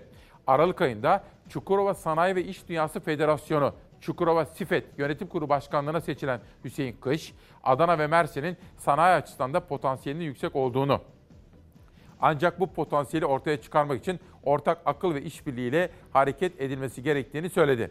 Federasyon olarak Çukurova'nın kalkınması için Adana ve Mersin'de çalışmalar yürüttüklerini ifade eden Başkan Hüseyin Kış, bölgenin sanayisini güçlendirmek, Çukurova'nın çıkarlarını korumak için her türlü işbirliğine hazırız dedi. Adana Büyükşehir Belediye Başkanı Zeydan Karalar da Çukurova Sifet'e biz her türlü girişime hazırız ve desteklemeye de hazırız dedi. Geçelim Balkan gazetesine, Balkanlara. Herkes Türkiye değil ki göçmenlere kucak açsın. Türkiye uluslararası toplumdan göçmenleri geri iten Yunanistan'a tepki geldi ve Urfa'ya geçiyorum. Urfanatik gazetesi. Faturayı görenler gözlerine inanamıyorlar. Vatandaş bunu kaldıramıyor artık yazık. Bugün de gazetenin editörleri ve muhabirleri sokağa çıkmışlar ve Şanlıurfa'da yurttaşlarımızla konuşarak dertlerini ifade etmeye çalışmışlar. Gerçekten de bugün Yılmaz Özdil yazmıştı galiba. En çok satan gazete hangisidir? Elektrik faturası. Başta elektrik zamları olmak üzere iğneden ipliğe gelen zamları protesto ettiler, yürüyüş düzenlediler. Vatandaşlarla polis arasında gerginlik çıktı. Polis eylemcilere biber gazıyla müdahale etti. Döviz kurlarındaki yükseliş sonrası iğneden ipliğe her şeyin fiyatı arttı. Geçim sıkıntısı katlandı. Gelen zamlar, artan faturalar tepkiye yol açtı. Mardin'in Kızıltepe ilçesinde bir grup vatandaş yürüyüş düzenledi, zamları protesto etti. Protesto sırasında polis ve eylemciler arasında gerginlikle yaşandı. Zaman zaman artan tansiyon sonrası polis biber gazı kullandı.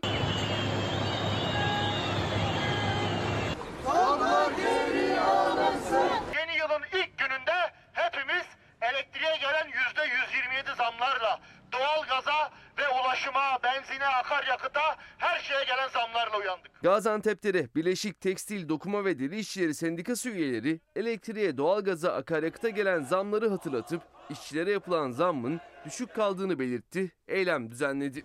Ekmek iki katına çıkmadı mı arkadaşlar? Yumurta üç katına çıkmadı mı? Süt üç katına çıkmadı mı? Kömür 800 liradan 3500 lira olmuş. Neredeyse dört katına çıkmış. Kiralar öyle. Doğalgaz öyle. Bir ayçiçek yağı bir yıl önce 70 liradan 60 liradan 170 liraya çıkmış. Çocuk bezine yüzde 140 zam gelmiş. Ve daha aklımıza gelmeyen her şey. Yani en az iki kat zamlanmayan tek bir şey biliyor musunuz? Şu bir gerçek efendim. Faturalar dert yaratıyor insanlara.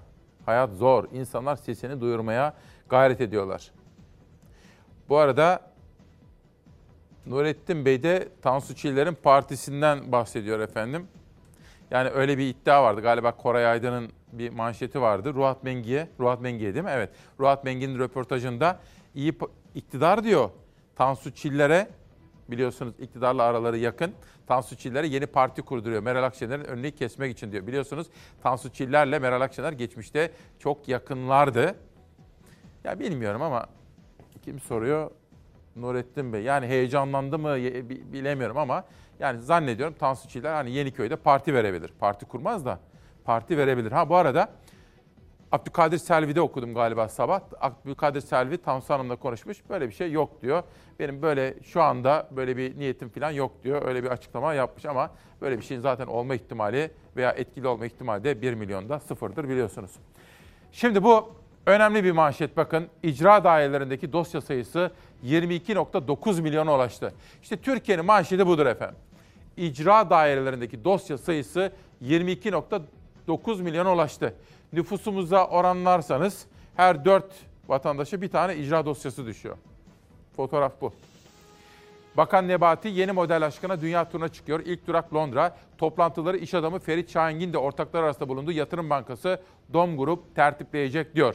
Çok sayıda ülkeye gidecek. Galiba kaynak arayışı var.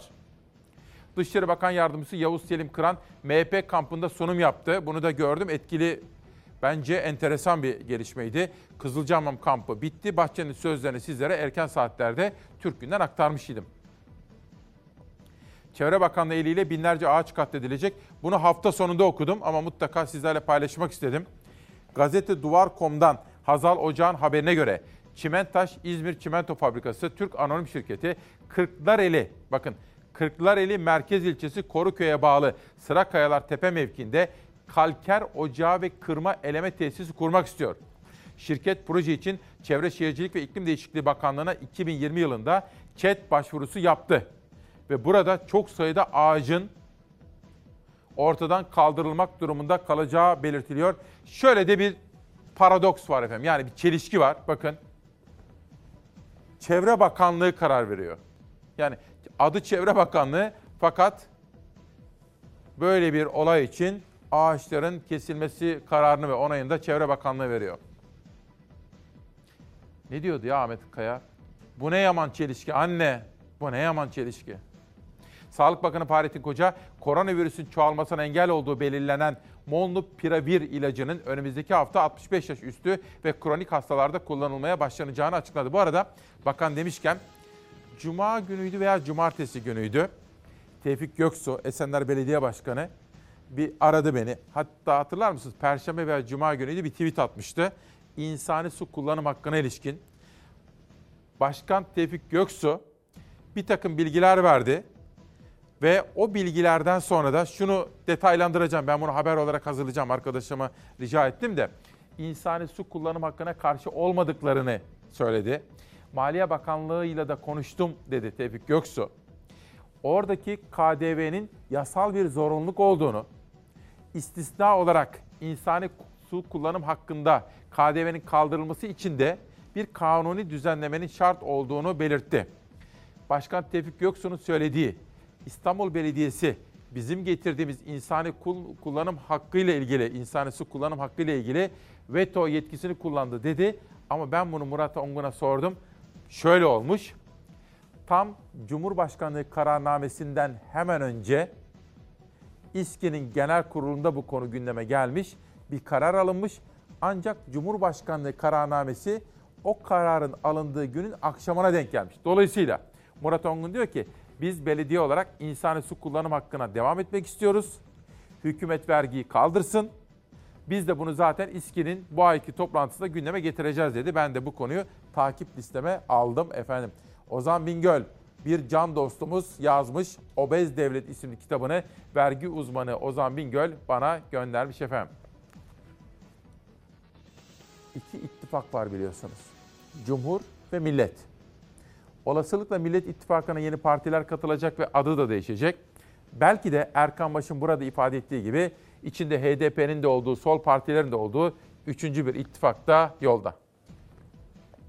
Çok kritik bir eşikteyiz. Türkiye'nin rotası çizilecek. Geçiş sürecinin bir yol haritasını hazırlıyoruz. Zillet ittifakı dağınıktır, vurgun yemiştir. Cumhur İttifakı ise zindedir. Muhalefet safları sıklaşıyor. Altı partinin lideri 12 Şubat'ta ilk kez aynı masa etrafında buluşup parlamenter sistem talebinin yanında ortak bir yol haritasında buluşmanın ilk adımını atacak. Cumhur İttifakı'nda da gözler altı liderin hep birlikte vereceği o fotoğrafta. Henüz bir masa etrafında nasıl oturacaklarına bile karar verememişlerdir. Bizim görüşmelerimizden çok telaşlandığınız anlaşılıyor telaşlanın. Boy sırasına göre mi, yaş sırasına göre mi bir türlü karar veremiyorlar. Yuvarlak masanın etrafında hep birlikte oturacağız. Harika. Daha önce parlamenter sistem ortak paydasında buluşan 6 parti şimdi ittifakı konuşuyor. Hatta başka partilerin de katılımıyla genişlemesi beklenen ittifaka yeni isim de aranıyor. Büyük Millet İttifakı da o isim seçeneklerinden biri. Yeni bir süreçse bunun sembolleriyle, isimleriyle. Masa da yani isminin de tabii, tabii, tabii. Cumhurbaşkanı adayları henüz karanlıktadır. Zillet İttifakı'nda her koyun kendi bacağından asıla asıla ortada bacak falan kalmamıştır. Sayın Bahçeli kötü bir haber vereceğim. Sizi rahatsız etmeye devam edeceğiz. Yetkilerimi şu şu şu şu çerçevede kullanacağım. Şu anda olduğu gibi aklıma esene yaparım. Gönlümden bu koptu atarım imzayı demeyeceğim gibi detaylı bir siyasi evet. taahhüt gerekiyor. Cumhur İttifakı karşı cepheyi adayını şimdiden açıklamaya zorlarken Millet İttifakı isim ya da isimler üzerinden yapmak istemiyor adaylık tartışmasını. Önce aday kim olacak değil, seçilecek isim nasıl bir cumhurbaşkanı olmalı sorusuna yanıt aranıyor. Yeni cumhurbaşkanı geldiği andan itibaren ülkenin herhangi bir yönetim krizi yaşamadı oynamaması lazım. Bu da devlet tecrübesi gerektiriyor. Bütün vatandaşlara hitap edebileceksiniz. Bu da kuşatıcılık, bu da kapsayıcılık. Serok Ahmet'in Cumhurbaşkanı aday tarifi ise tamamen Kılıçdaroğlu'nu dışlama üzerine bina edilmiştir. Bunlar su kaynatmış, kayış koparmış, dingil kırmıştır. Halkın AKP'ye karşı biriken öfkesini kendi kişisel ikbali için değil de Cumhurbaşkanlığı hükümet sistemini ortadan kaldırmak için kullanmak isteyen bir aday çıkarsa Türkiye İşçi Partisi hiçbir pazarlığa girmeden bu adaya oy verir ve bu meseleyi ilk turda bitiririz. İttifaklar tartışmasında başını HDP ve Türkiye İşçi Partisi'nin çektiği sol partilerin 3. ittifak alternatifiyle yelpaze genişledi. Soldan sağ bütün partiler, ittifaklar adımlarını erken ya da zamanında artık çok yaklaşan seçimlere göre atıyor. Her ne kadar Cumhur İttifakı sandık için 2023 Haziran'ına randevu verse de. Sonbaharda bir seçim olabilir. Karakış'tan çıkarken bir seçimi tercih etmez Erdoğan. Erken seçim Türkiye'nin gündeminde yer almamaktadır. 2023 yılının Haziran ayında yapılacaktır. Kılıçdaroğlu ve yandaş korosu bunu aklından çıkarmamalıdır. Türkiye'de erken seçim bir anda ilan edilebilir. Nisan ayının bir sabahında aynen 2018'de olduğu gibi Bir yanda 2022'de olası bir erken seçim beklentisi, diğer yanda ittifaklar ve adaylar tartışması. Siyaset kaynayan kazan. Ankara büromuza da teşekkürler ediyoruz efendim emekleri için. Burada ağırlamıştık. Sırada engel tanımayanların güzel haberi var. Şerife Bilgili Hanım'a da buradan teşekkür etmek isterim. Hassasiyetini biliyorum. Detaya girmeyeceğim ama. işte bakın Berna hocam aracı olmuştu, tanıştırmıştı. Emine kızımız şampiyon oldu. Ve harika haberler onlar Paralimpik'te milli forma ile birlikte muazzam başarılara imza atıyorlar. Biraz sonra hem Emine kızımızın hem de yanında Recep kardeşimizin de bakın haberlerini, Paralimpik'teki olağanüstü başarılarını sizlere detaylı olarak anlatacağım ilerleyen dakikalarda. Onlarla gurur duyuyoruz. Onlar engel tanımıyorlar. Ve dünyanın manşetleri bugün temel ihtiyaç dedik efendim. Bu haberleri sizlere daha evvel vermiştim. bir, dakika. Geri gelebilir misiniz? Heh. Avrupa Birliği Rusya-Ukrayna krizinin savaşa evrilebileceği düşüncesiyle gaz tedarikinde sorun olabilir düşüncesiyle yine bakın alternatif yollara bakmaya başladılar. Biz de acaba Ukrayna'da savaş çıkarsa gaz tedarikinde sorun yaşar mıyız? Tedbirimizi aldık mı diye bir soruyu soralım. Şimdi Independent'a geçelim. El Mundo biraz sonra. Independent. Heh, bakın. Bir taraftan Afrika Kupası var ama dikkatinizi bu noktaya çekmek istiyorum. Partilere katıldı kısıtlamalar zamanında. Aldığı oyları kaybetti. Acaba tekrar başbakan o boyları o oyları tekrar kazanabilir mi? şeklindeki manşetler var Boris Johnson'a yönelik. The Guardian'a geçtiğim zaman Pınar Sayıp hocama bunu da soracağım. Pandemi, omikron nedeniyle hastaneler dolup taşınca başta kanser hastaları, tansiyon hastaları olmak üzere 500 bin kişilik bekleme listeleri oluşmuş. Bizdeki durum nedir diye hastaneleri İstanbul Tabip Odası Başkanı soracağım. Ama bakın bir de renkli dünyadan bir haber Beyza Gözlük sizler için hazırladı. Kraliçe Elizabeth bir dakika şu kitapları tanıtayım habere pas atacağım. Türkiye'deki batılı tarzda gazetecilik yapan az sayıda insan vardır efendim. Mesela Murat Yetkin bunlardan biridir. Nur Batur bunlardan bir diğeridir bakın. Nur Batur Atina temsilciliği yapmış. Çok başarılı bir gazetecidir. Orta Doğu'nun Şahları, Vezirleri, Piyonları isimli kitabını da yazmış ve bize göndermiş. Nur Batur'a da buradan teşekkürler ediyoruz efendim. Bu arada Ardahan'dan da bir kitap geldi. Editörlüğünü Mirza Polat'ın yaptığı İstiklali'nin 100. yılında Ardahan. Sırada bir önemli haber, renkli dünyadan bir haber. Tahta kraliçenin 70. yaş günü.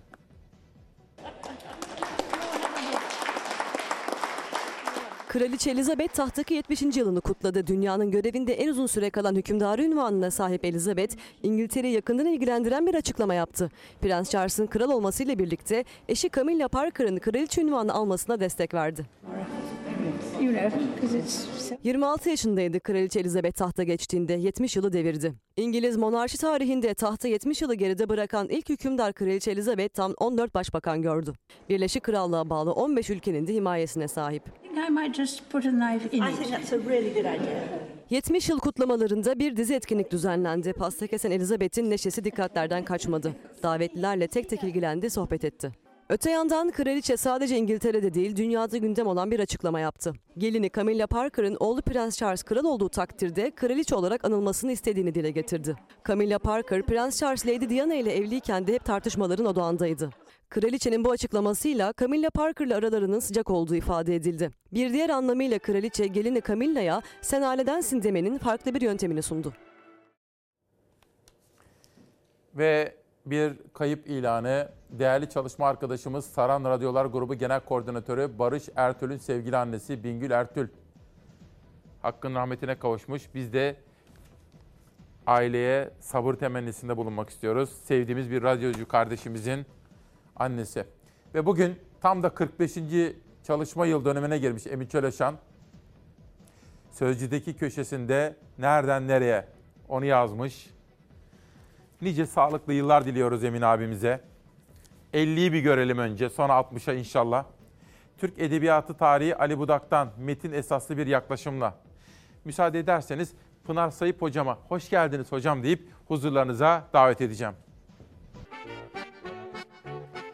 7 Şubat 2022 Pazartesi sabahında İsmail Küçükkaya ile Demokrasi Meydanı'na hoş geldiniz efendim. Savaş Yıldız ve bütün ekip arkadaşlarım adına bir kere daha hoş geldiniz ve günaydın diyorum. Bugün gündemimizde neler var? Faturalar var. Hayat pahalılığı var.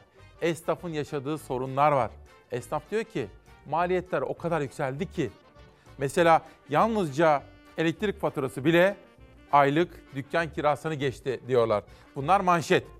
2022 Türkiye'sinde Isparta'da yaşadığımız 4 günlük mahrumiyet, manşet ve sorgulama, elektrik ve özelleştirme politikalarını. Bunun dışında Süleymaniye'yi kurtarıyoruz. Takip listemizin tepesinde. Bugün ve yarın o konuyu gündemde tutmaya çalışacağız. Hayatın içinden haberler, işçinin, emekçinin, emeklinin, işsiz çocuklarımızın geleceğini konuşacağız. Ve ama önce sağlık değil mi efendim? Önce sağlık. Peki kime teşekkür edeceğiz? Kime minnettarız? Doktorumuza, hemşiremize, hasta bakıcımıza değil mi? İstanbul Tabip Odası Başkanı Pınar Sayıp hocamızı davet ettik. Kırmadı bizi sağ olsun geldi. Tam da gününe denk geldi. Hocam hoş geldiniz. Hoş bulduk. Mavi mavi ne kadar şıksınız, zarifsiniz. Sağ olun, teşekkürler. Hoş geldiniz. Hoş bulduk. Nasılsınız, iyi misiniz? Ee, pek iyi değiliz tabii. Ee, çünkü gerçekten e, değerlerimizi koruyacağımız bir sistemde çalışmıyoruz ve öfkeliyiz. E, bu nedenle de yarın e, 8 Şubat'ta e, biz hekimler ve diğer sağlık çalışanları greve gidiyoruz. Biz buna görev diyoruz. Çünkü halkımıza gerçekten iyi koşullarda hizmet vermek istiyoruz. Güvenli koşullarda hizmet vermek istiyoruz. Ve maalesef son 10 yıldır bütün bunlar sağlanamadı. Bunlar sağlanamadığı için de ciddi bir göç var. Yurt dışına e, hekim göçü var erken emeklilik var, kamudan istifalar var. Ee, son 20 ayda 9 bin hekim kamudan istifa etti. Bir dakika. Son 20 ayda. 20 ayda 9 bin hekim. Evet.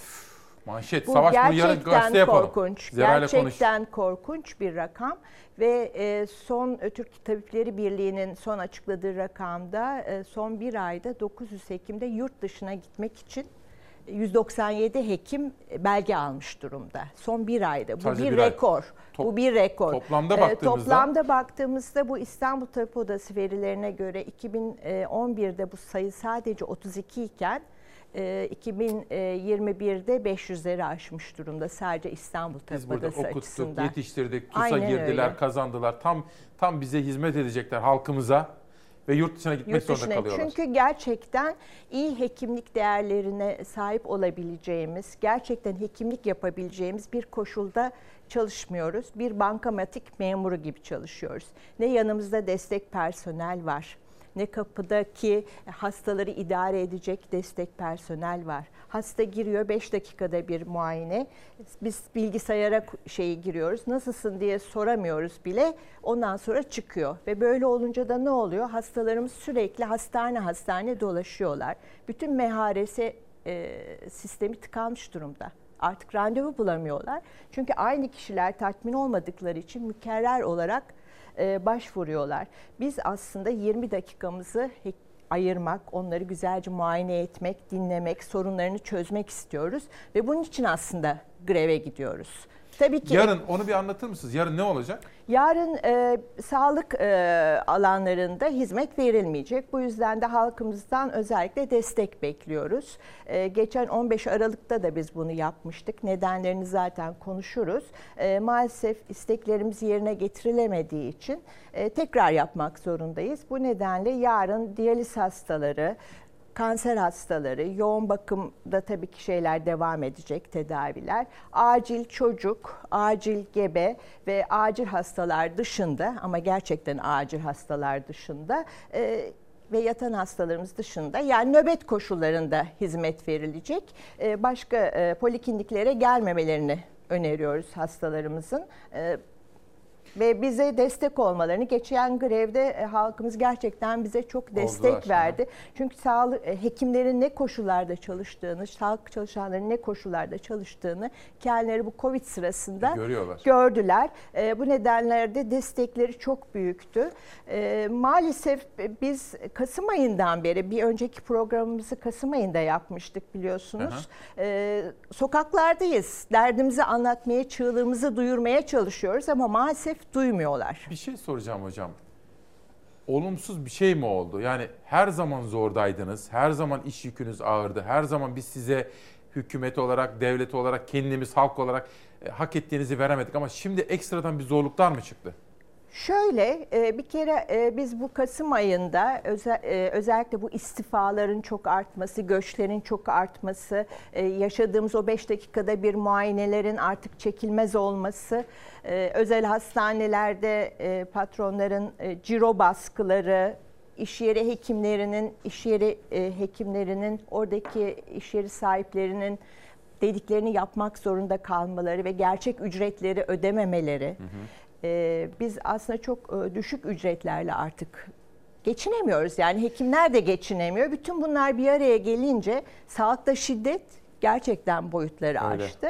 Ama bütün bunların sonunda Aralık ayında bir iyileşme yapılacağı söylenmişti. Biz bu beyaz yürüyüşümüzü yaptıktan sonra ve bunu da çok rencide edici bir şekilde e, söylemişti Sağlık Bakanı ve e, Cumhurbaşkanı. Ama ardından bu Ocak ayında güya yasa çıktı. Bütün partilerin desteğiyle çıktı ve bir iyileştirme yapılacaktı. Hem ek göstergeler genel bütçeye alınacaktı ek ödemeler hem de ücretlerde bir iyileşme yapıyordu.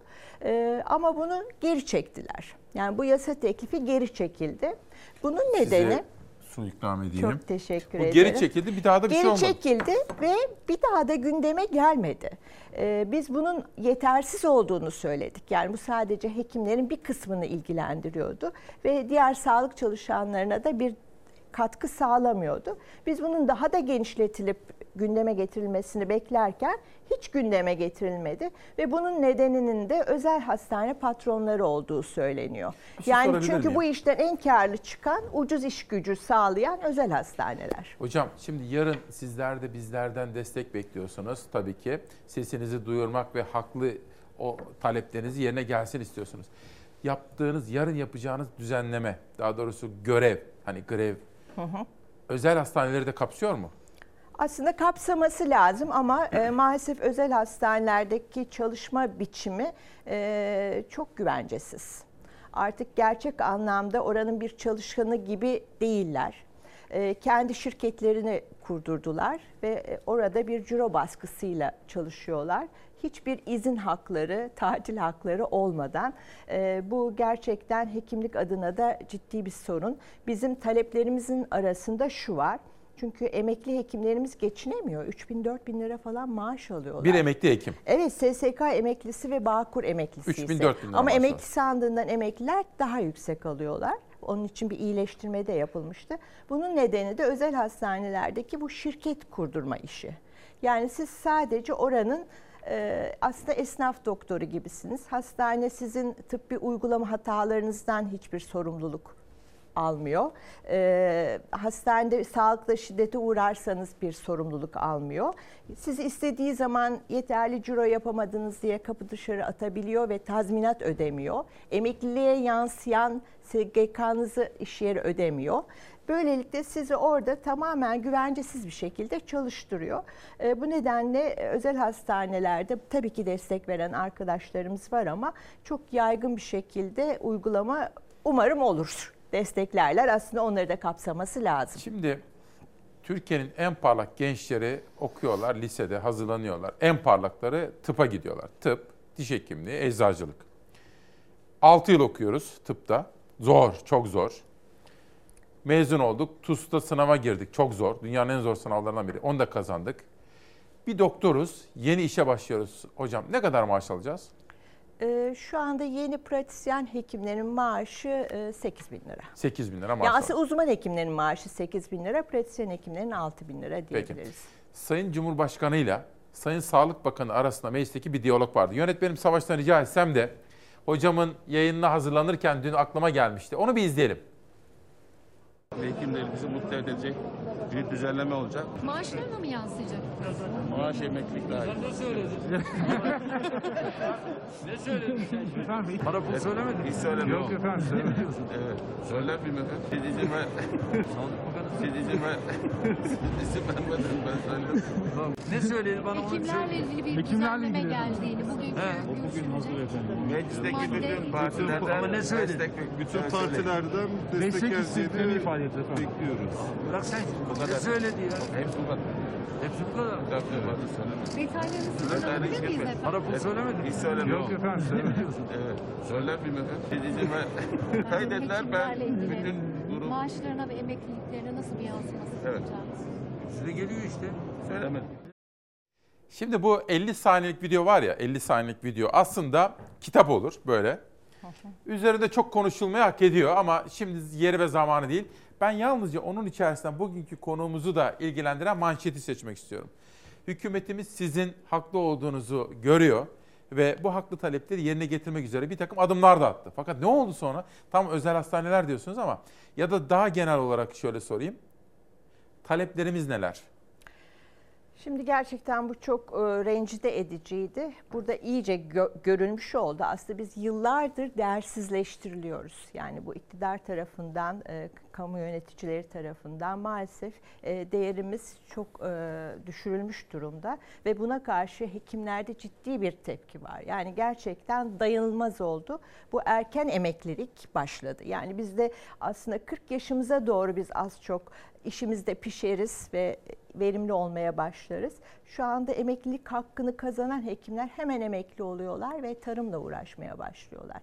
Yani bu e, olağanüstü korkunç bir durum. Bu kadar e, zorla yetiştirilen hekimlerimizin, bu kadar e, emekle yetişen hekimlerimizin artık meslekten kaçışı başladı. Bu koşullar kötü olduğu için gerçekten koşullarımız kötü olduğu için ve değer bilinmediği için ve bu şekilde rencide edildiğimiz için artık bu meslekten kaçıyoruz. Ne istiyoruz biz? Biz bir kere e, gerçekten temel ücretlerimizin arttırılmasını ve bunların emekliye yansımasını istiyoruz. Yani performansla e, çalışmak istemiyoruz. Tamam. 5 dakikada bir hasta bakmak istemiyoruz. Yeteri zamanı hastalarımıza ayırmak ve e, bunun yanı sıra biz ne zaman ödeneceği belli olmayan, genellikle de gecikiyor, eşitsiz, yani aynı işi yapan hekimler arasında bile çok farklılıklar olan e, döner sermayeden yani biz işletme gibi çalışılan ticari bir işletmenin parçası olmak istemiyoruz. Kamu hastaneleri de böyle çalışıyor, özel hastaneler de böyle çalışıyor. Bize temel arttırılmış ücretlerimiz olsun. Tamam. Biz bununla insanca Yaşayalım. yaşayabilelim. E, sabit ek ödemelerimizin genel bütçeden karşılanmasını istiyoruz. Ne Ve demek bunun o? da ek yani bir ek ödeme veriyorlar işte döner sermayeden e, sabit bir ek ödeme veriyorlar. Bu ek ödemenin genel bütçeden ödenen kısmının arttırılmasını bunun da emekliliğe yansımasını istiyoruz. Özel hastanelerdeki bu ciro baskısı kalksın istiyoruz ve oranın patronları bizim e, hekimlerimizin SGK primlerini üst tavandan yatırsın istiyoruz. Ve orada bir sorumluluk üstlensinler olan her şeyde malpraktisten e, sağlıkta şiddete kadar. ASM'ler aile hekimliği birinci basamak en önemli. E, biliyorsunuz bir ceza yönetmeliği çıkarıldı. Son Aralık ayının 31'inde e, birçok aile hekimi arkadaşımızın sözleşmesi yenilenmedi. Bu ceza yönetmeliği size puan veriyor ve bu puanlar eğer siz diyelim ki e, aksaklıklarla ilgili toplumda çıktınız, konuştunuz. Bu birkaç tane ceza puanınız olursa sizin sözleşmeniz yenilenmiyor. Aile hekimliği sistemi de şu anda ne kamu ne özel. Çok Orada kalmış bir durum. Binanızı siz kiralıyorsunuz, personelinizi siz e, tutuyorsunuz, siz cepten ödüyorsunuz. E, bunun karşılığında size bir para veriliyor. Biz istiyoruz ki binalar kamudan sağlansın, e, temel ücretleri aile hekimlerinin de arttırılsın. Birinci basamak güçlendirilsin. Hı hı. Çünkü salgınlar maalesef dünyanın hı hı, bir gerçeği hı. ve birinci basamak çok önemli. Ve bu sağlık yanlarında çalıştıkları destek personelinde kamu bütçesinden karşılanmasını, onların da devlet memuru olmasının hı hı. sağlanmasını istiyoruz. Covid döneminde zor günler geçirdik. 120 günlük yıpranma payı istiyoruz burada geçirdiğimiz süre içinde. İş yeri hekimleri var biliyorsunuz. İş yerindeki işçi sağlığını koruyan e, hı hı. hekimlerimiz. Bunların e, geleceği patronun iki dudağı alt, arasında ve orada güvenlik koşullarının oluşturulması için aslında kendileri e, özgür iradeleriyle karar veremiyorlar. Yani şu koşulları sağlayın ki işçi sağlığı düzgün olsun diyemiyorlar. Çünkü patron onları böyle bir şey istediği zaman işten çıkarabilir. Aracı taşeron şirketler var sizi bu e, özel şirketlere kiralayan. Bir kere onlar kaldırılmalı ve Türk Tabipleri Birliği aslında asgari ücret tarifesini belirler ve bu ücretlerin verilmesini istiyoruz ve onların e, patronların iki dudağı arasında olmaktan kurtarılmasını ve bağımsız bir şekilde çalışmalarının sağlanmasını, bunun altyapısının yapılmasını istiyoruz. Bir kere beş dakikada bir hasta bakmak istemiyoruz. İş yükünün mutlaka azaltılması lazım. Yani dünyada en çok çalışan, en az ücreti alan biziz. Yani bizim ülkemizdeki şey ve sağlıkta şiddet yasası. En önemlisi bu. Ee, her gün sağlıkta yani uğramayan yok gibi sözlü veya direkt e, olarak bu sağlıkta şiddet yasasının mutlaka çıkmasını istiyoruz. Sağlıkta şiddet yasası nedir? Ne istiyoruz? Bir kere mutlaka sağlık alanında bu şiddet meydana gelmişse mutlaka tutuklanmasını ve hükmün açıklanmasının ertelenmesi denen yani ceza alsa bile e, tutuklanmadığı durumun kaldırılmasını ve mutlaka e, bir e, karşılığının olmasını istiyoruz. Tabii ki şiddet olan koşulların da düzeltilmesi, bize destek personelin verilmesi, kapıdan insanların sakin karşılanması, randevu sisteminin, sevk sisteminin getirilmesi, destek personelin nitelikli güçlendirilmesi. Peki. Şimdi efendim bu konular önemli ve yaşamsal. Bakın duayen bir isim Erman abimiz, Erman Yardelen'de doktorlarımıza ne yapsak azdır diyor. Bize de bir tebrik yollamış Erman Yardelen abimize sağ olsun. Tabii demokrasi meydanı Türkiye'nin sorunlarını yapıcı bir dille gündeme getirmeye çalışıyoruz. Erman Yardelen abimize de teşekkür ediyorum. Ercan Kesal, kendisi de doktorluktan geliyor. Entelektüel bir isim, aydın bakışlı bir isim. Hocama sormak üzere Ercan Kesal'dan bir video. Savaş hazır mı? Bir izleyelim. Merhaba. Hekimlerin sesine kulak verin meslektaşları olmaktan onur duyduğum hekim arkadaşlarımın ve onların meslek örgütü Türk Tabipleri Birliği'nin haklı taleplerini destekliyorum. Onların yanındayım. Şimdi bakın toplumun bütün kesimlerinin bu konudaki sesi duyması ve duyurması gerekiyor. Bir sonraki mesaja geçelim lütfen. Recep Tayyip Erdoğan ve Emin Erdoğan'a geçmiş olsun dileklerimizi iletiyoruz diyor. Hocam şöyle bir tweetiniz var. Evet. Şimdi tabii bu omikron dalga dalga yayılıyor. Hulusi Akar'da oldu. Adana Belediye Başkanı Zeydan Karalar, Muğla Belediye Başkanı Osman Görün oldu. Böyle dalga dalga yayılıyor. Kısacık bunu da bir özetler misiniz? Ne durumdayız şimdi? Ee, bir kere bu omikron varyantı çok e, hızlı yayılıyor gerçekten. Ee, ve e, özellikle aşılı olanlar eğer gerçekten aşılıysanız bu aşılı gerçek aşılı ne demek? Ee, en az 3 doz aşının yapılmış olması gerekir. Bu Türkiye'de sadece 25 milyon kişi yani çok az kişi dörtte biri ülkenin yaptırmış durumda. Ee, ama günde 200 250'de ölüm maalesef var. Hala yüksek, çok, çok yüksek. yüksek. Ee, ve bunlar bizim teyzemiz, kardeşimiz, yakınlarımız yani ölüyorlar. Ee, çünkü omikron hafif geçiyor gibi bir e, sanal durum yaratıldı. E, biliyorsunuz bir sürü önlemler kaldırıldı. PCR testi zorunluluğu kaldırıldı. Aşı zorunluluğu bazı alanlarda, kapalı alanlarda olması gerekir. Bunu bir türlü sağlayamıyorlar. Bir yıl boyunca yaşlıları evet zorunlu olarak kapattılar, gençleri kapattılar. Bu zorunluluk olabildi. Ama gerçekten kapalı alanda, sağlık hizmeti, eğitim alanında bir aşı zorunluluğu, bir aşı kampanyası sağlamadılar. Bugün 6 kişiyi bulamıyorlar. Yani günde 25 bine düştü aşılanma oranı. Çok düşmüş. Çok düşmüş. 6 kişiyi bulamadıkları için aşı yapılamıyor. Yani o kadar düşmüş durumda. Şu anda iktidarın yaygın bir aşı kampanyası yapması lazım. Herkesi e, aşılanmasını sağlaması için ayağına gitmesi yani artık randevu al gel değil de ayağına giderek e, aşılamayı yapması Hocam lazım. bugün iki haftalık ara tatil de bitti. Çocuklarımız okula da başladılar. Evet, evet. Hep etraftan şunu görüyorum. Çocuklardan geliyor eve. Evet evet Omikron. yani e, Recep Tayyip Erdoğan ve eşine de gerçekten geçmiş olsun dileklerimizi ilettik. Ne kadar korundukları halde Evet. e, oldular. Neyse ki hafif geçiriyorlarmış. Aşılı bu iyi bir için. şey ve aşılı oldukları için. E, bu yüzden bir kere bu aşılama işine belediyeler de maalesef bu konuda yeterli e, şeyi göstermiyorlar. Yani her yerde bizim aşılanma ile ilgili ciddi görsellerimiz olmalı, insanlara hatırlatmalıyız ve gerçekten ayaklarına gitmeliyiz. PCR testi zorunluluğu mesela çok ilginç. Evet. Uçakta var, e, otobüste yok. Yani uçağa binenlerin sağlığı daha mı değerli otobüse binenlerden?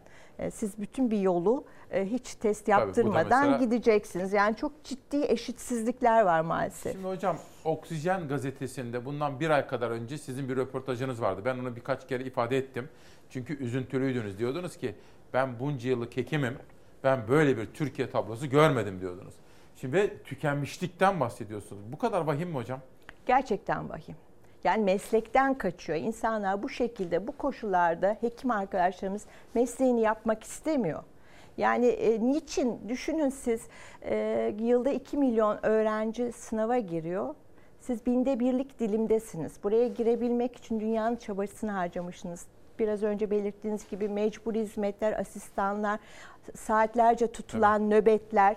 E, ben burada özellikle asistan arkadaşlarımızın uğradığı mobbing, uzun çalışma saatleri günde en aşağı 10-12 saat çalışıyorlar. 36 saat çalışıp eğer ertesi gün e, nöbet izni kullanacaksa nöbet parası yatmıyor. Yani böyle bir şey olabilir mi? Siz fazladan çalışmışsınız ama ertesi gün e, nöbet izni kullanacağım dediğiniz zaman size e, paranız yatmıyor. Bu yüzden ben özellikle e, yarınki grevde genç arkadaşlarımıza e, seslenmek istiyorum. Bu tükenmişlik daha çok gençlerde var. Çünkü bizler yine de mesleğimizin tadını bir şekilde çıkarabildik. Yani daha keyifli, gerçekten iyi hekimlik değerlerimizi yapabileceğimiz şeyleri yaptık. Bir yerlere gelebildik. Şimdi umut yok. Yani hekimlerde gerçekten umut yok. Bu yüzden genç arkadaşlarımız ya mesleği bırakıyor ya ülkeden kaçıyorlar. Yarınki e, şeye katılmalarının özellikle gençlerde büyük bir e, tükenmişlik var. Durum çok vahim.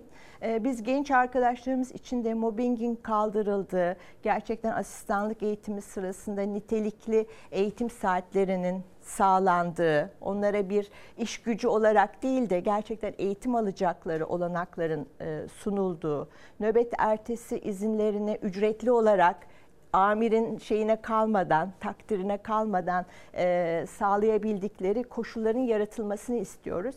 Aksi takdirde gerçekten e, bizlere bakacak hekim bulmakta zorluk çekeceğiz. Hocam şimdi ben eskiden gazetede görevliyken bu hükümet ilk başlarda bir reform çalışmaları falan yapıyordu. O zaman sonra bir gün bir baktım etrafımdaki bütün doktorlar ki ben Ankara kökenli olduğum için sağlık muhabirliği de yaptım. Hacettepe'den Ankara tıptan böyle etik değerlere bağlı. Hepsi sizin gibi böyle kıymetli doktorlar. Hepsi üzüntülülerdi. Tek tek isimlerini söylemeyeyim işte Meral hocam olsun, Nazan olsun hepsi. Ne oldu dedim. E bizim dedi eğitim verme hakkımızı elimizden alıyorlar. İşte o reform çalışmaları falan. Recep Akdağ gazeteye geldi o zaman. İsmail Bey dedi bunların dedi tuzu kuru dedi. Siz dedi bir grup e, doktoru tanıdığınız için böyle. Sayın Bakan dedim doktorları mutsuz olan bir sistem, doktorları memnuniyetsiz olan bir sistem taşınabilir mi? İşte şimdi taşınamıyor galiba. Tabii taşınamıyor. Yani biz bunu e, biz zaten başından beri yaşıyorduk. Şimdi artık tavan yaptı. Şu anda halkımız da yaşıyor. Yani randevu bulamıyorlar, gittiklerinde gerekli tedavi alamıyorlar. Gerçek hastalar hele gerçekten ulaşmakta çok zorluk çekiyorlar. Bu yüzden bu performansa dayalı sistem aslında mutlaka değişmeli. Ee, gerçekten hekimlik yapılabileceği, hastalara hizmet vereceğimiz, sevk zincirinin kurulduğu e, iyi bir ideal sisteme geçmemiz lazım. Biz tabii ki sadece hekimler olarak değil, biz sağlığın bir ekip işi olduğunu da biliyoruz. Yani gerçekten nitelikli bir hemşireniz yoksa, nitelikli bir sağlık memuru yoksa, iyi ameliyatlar yapılamaz, yoğun bakım sağlanamaz, siz hasta bakamazsınız.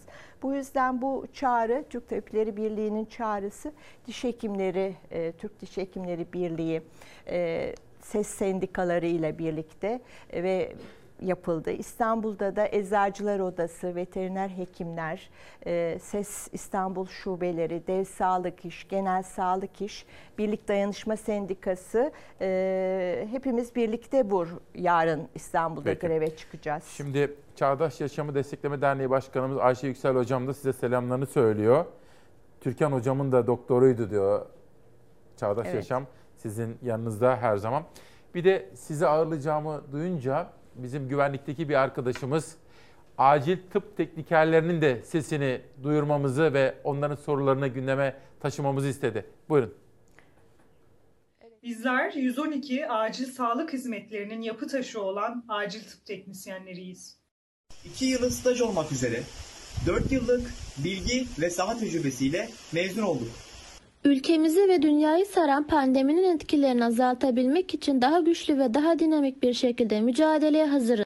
Bu süreçte personel eksikliği sebebiyle zor şartlarda vakalara ulaşan meslektaşlarımız Yüklerinin hafifletilmesi için bizleri sahaya bekliyor.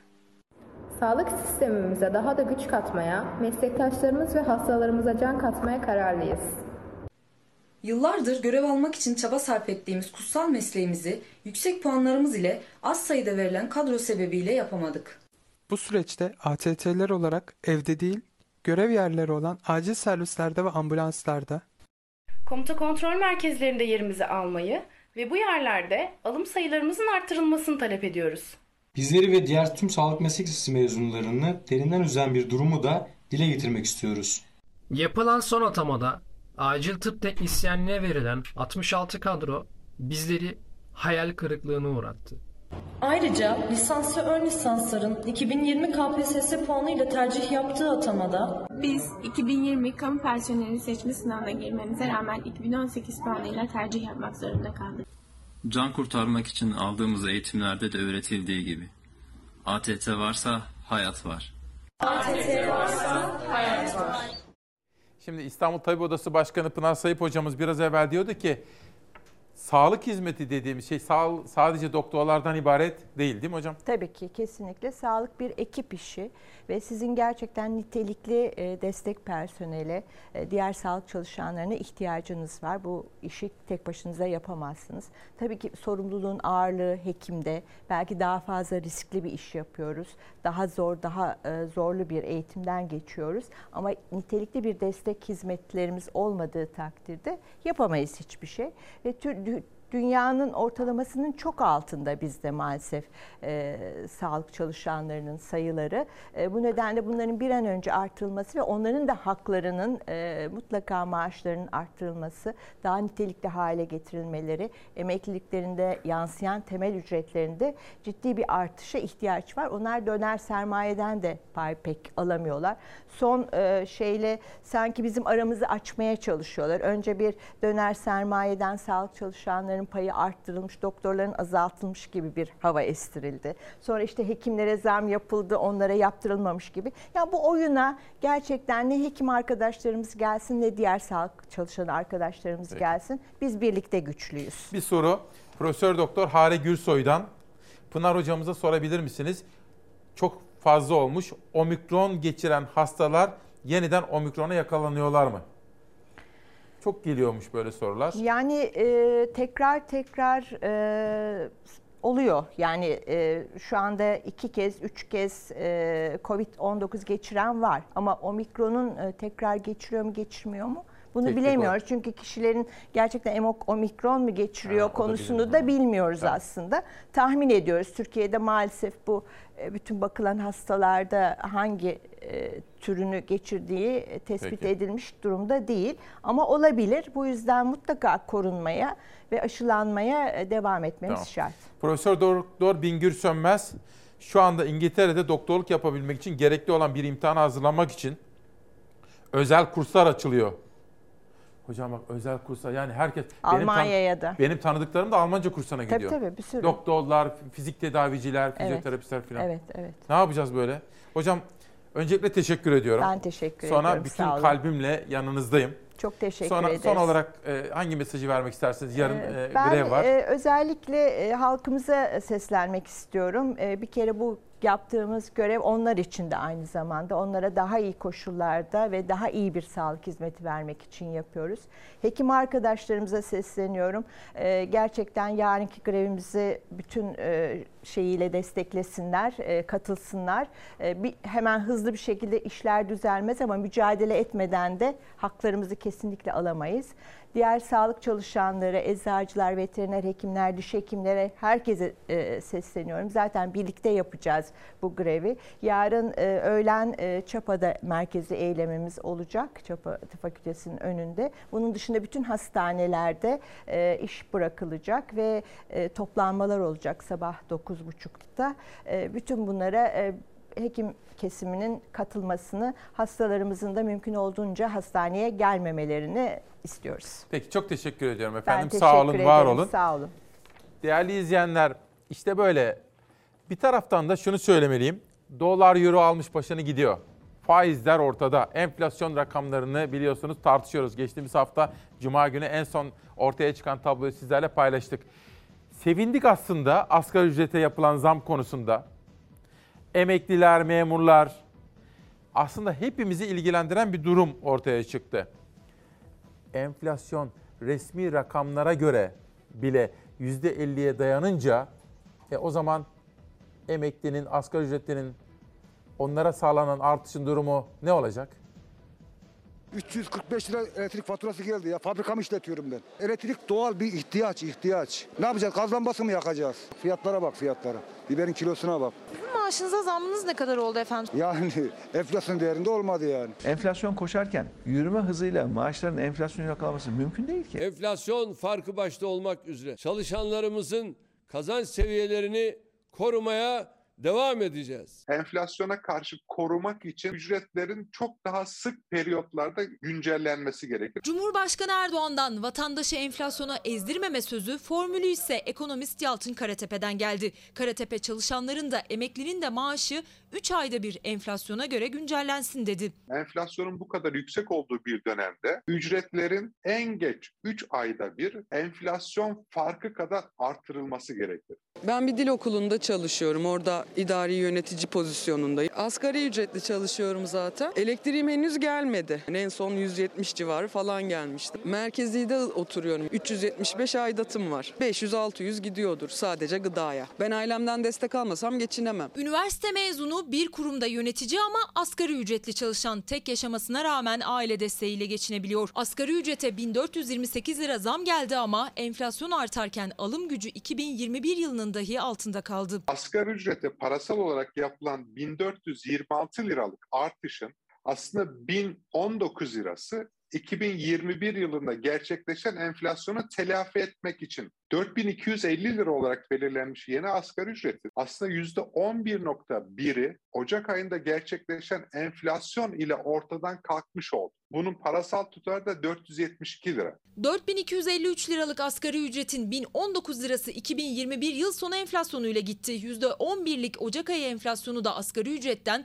472 lira eksiltince geriye 2762 lira kalıyor. Alım gücü olarak 2022 yılı asgari ücreti 2021 yılının 2825 lirasının 63 lira altında. Yani asgari ücretli zam aldı ama enflasyon karşısında alım gücü azaldı. Emekliyim. 500 lira benim aylığıma şey kodu cebime girmeden geri aldı. Ne yapayım? Anca bakmayla geçiniyor.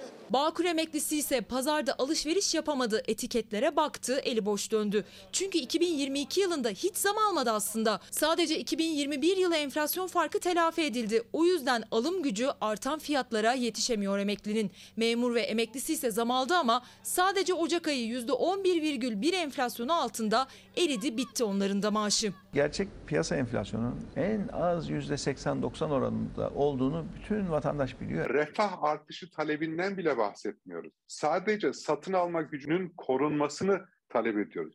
Bundan daha insani bir talep olamaz herhalde. Efendim bugün de haber masamızda Zafer Söken vardı, Beyza Gözeyik vardı. Editörüm Zeray Kınacı ki yarın Pınar Sayıp'la ilgili bir gazete hazırlayacaklar Orkun'la birlikte. Gündem çalışmamızı Nihal Kemaloğlu ile birlikte yaptık.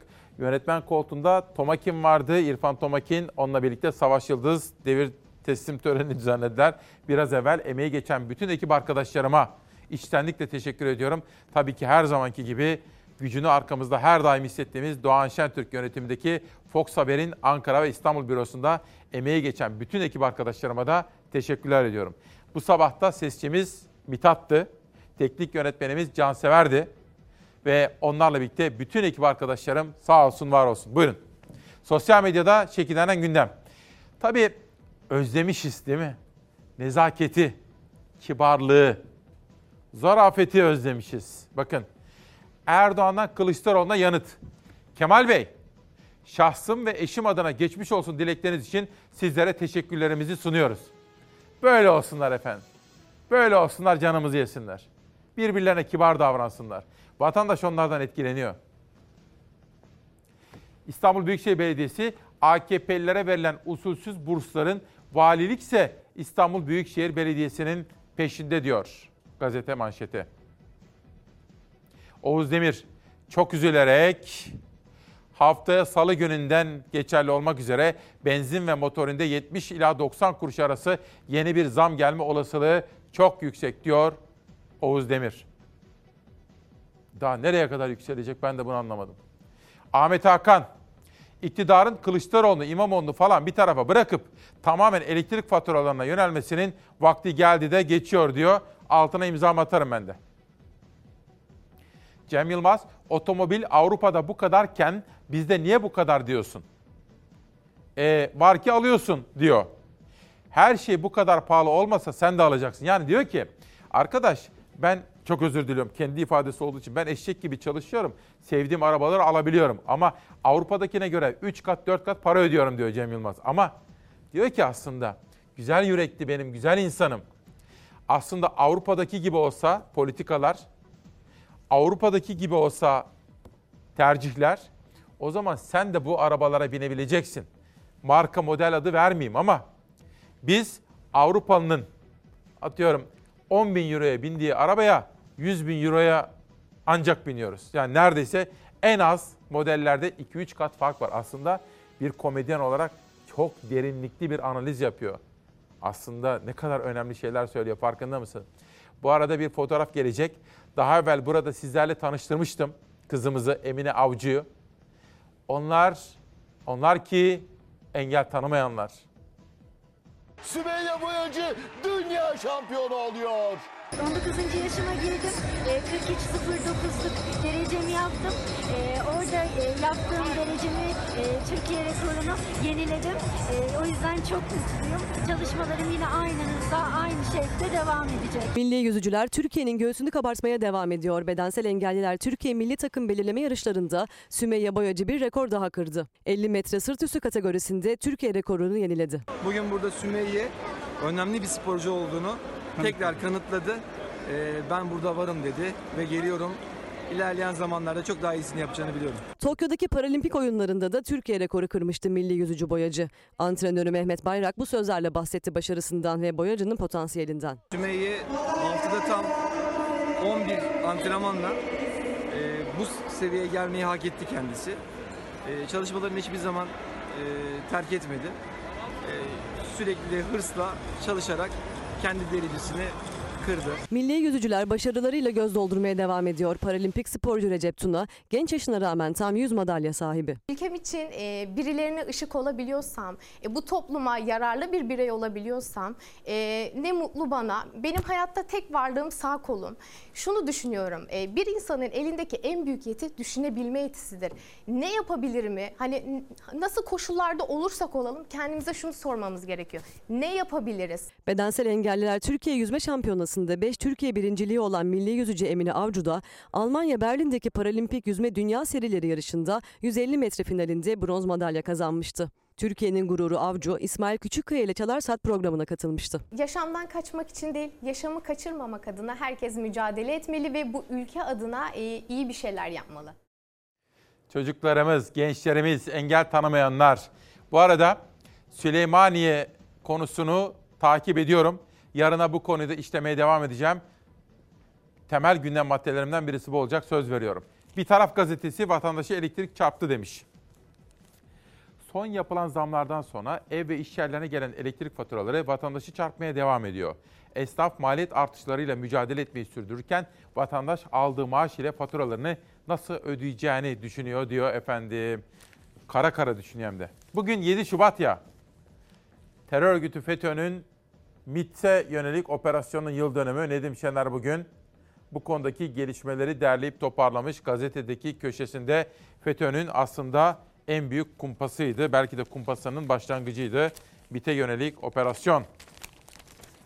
Sözcü gazetesinde Samsun'daki o saygısızlık ve halkımızın gösterdiği duyarlılıktan yola çıkarak Sinan Meydan onur anıtı konusunda tarihi bir perspektif irdelemiş. Günün dikkate değer yazılarından birisi. Yavuz Donat Kars'ta bu defa bakın Kars'a gitmiş. Kars'ta yaşananlar başta peynir, süt, hayvancılık olmak üzere. Ve Emin Çöleşan, Emin abim bugün tam 45. yıl dönümünü kutluyor efendim. Şöyle bir bakın. Ne tecrübeler, nereden nereye bakın. Bir zamanlar tam 45 yıl önce mesleğe başlamış. Ona da sağlıklı nice nice yıllar diliyoruz. Bir görüntü, içimiz böyle açacak, böyle göğsümüz kabaracak, omuzlarımız yükselecek, böyle başımız dikilecek. Bizler hepimiz yok olup gideceğiz ama Fazıl Say'ın eserleri daima ayakta alkışlanılacak.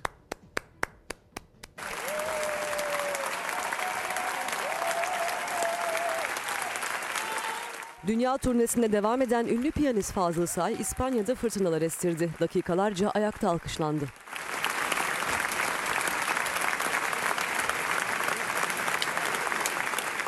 Barcelona'da sanatın kalbinin attığı konser salonu Palau de la Musica'da Fazıl Say rüzgarı esti. Turne kapsamında İspanya'ya giden Say prova sırasında sosyal medya hesabından paylaşımda bulundu.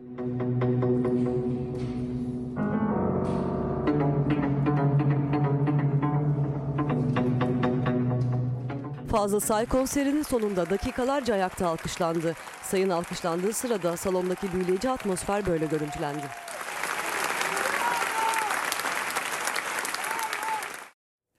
Şöyle bir notlarıma bakıyorum da tiyatrocu Nedim Saban'la buluştuk. Yeri ve zamanı geldikçe bahsedeceğim. Hilmi Güven faturalardan bahsetti. Karşılaştığım bir izleyenim. 21 liraya alıyorsun çarşamba günü. Cuma geliyorsun aynı şey 39 lira diyor.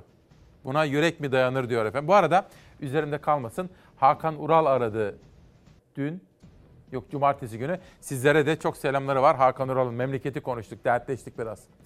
Ve işte hazırlayan araştırmacı görev araştırma görevlisi Erkan Kıdak. Evrensel Diyet Sistemi bu da öğretim üyesi Doktor Kemal Tuzkan'dan bize gelmiş efendim. Biz İsmail Küçükkaya ile Çalar ailesi için nitelikli müzik, nitelikli müzik ve vefa temel ihtiyaçtır.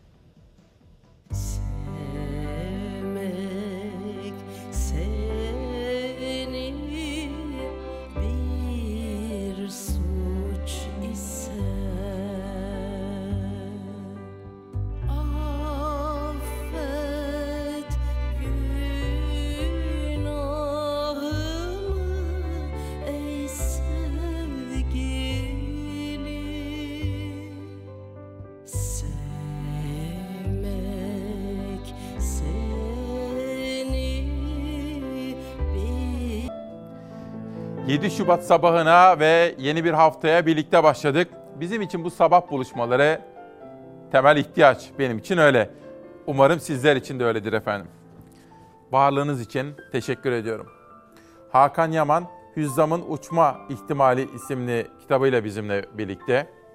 Bu arada bugün de kameralarda bana Yunus kardeşim ve İsmail abim yardımcı oldu. Bir tanesi Akdeniz, bir tanesi de Erzincan taraflarından ikisine de bütün emekliler için teşekkür ediyorum. Teknik yönetmenimiz de Cansever abimiz. Sağ olsun, var olsun. Düş ağacı Gönül Aksoy Altun. Hayatımın efendisiyim diyor Ceni İpekoğlu. Her birimiz kendi hayatımızın başrol oyuncularıyız. Bunu unutmayın. Evet, bir film gibi düşünün hayatı. Her birimiz yaşadığımız hayatın başrol oyuncusuyuz. Sen de bir dilek tut onlarla. Bırak göklerin sinesine saklansın.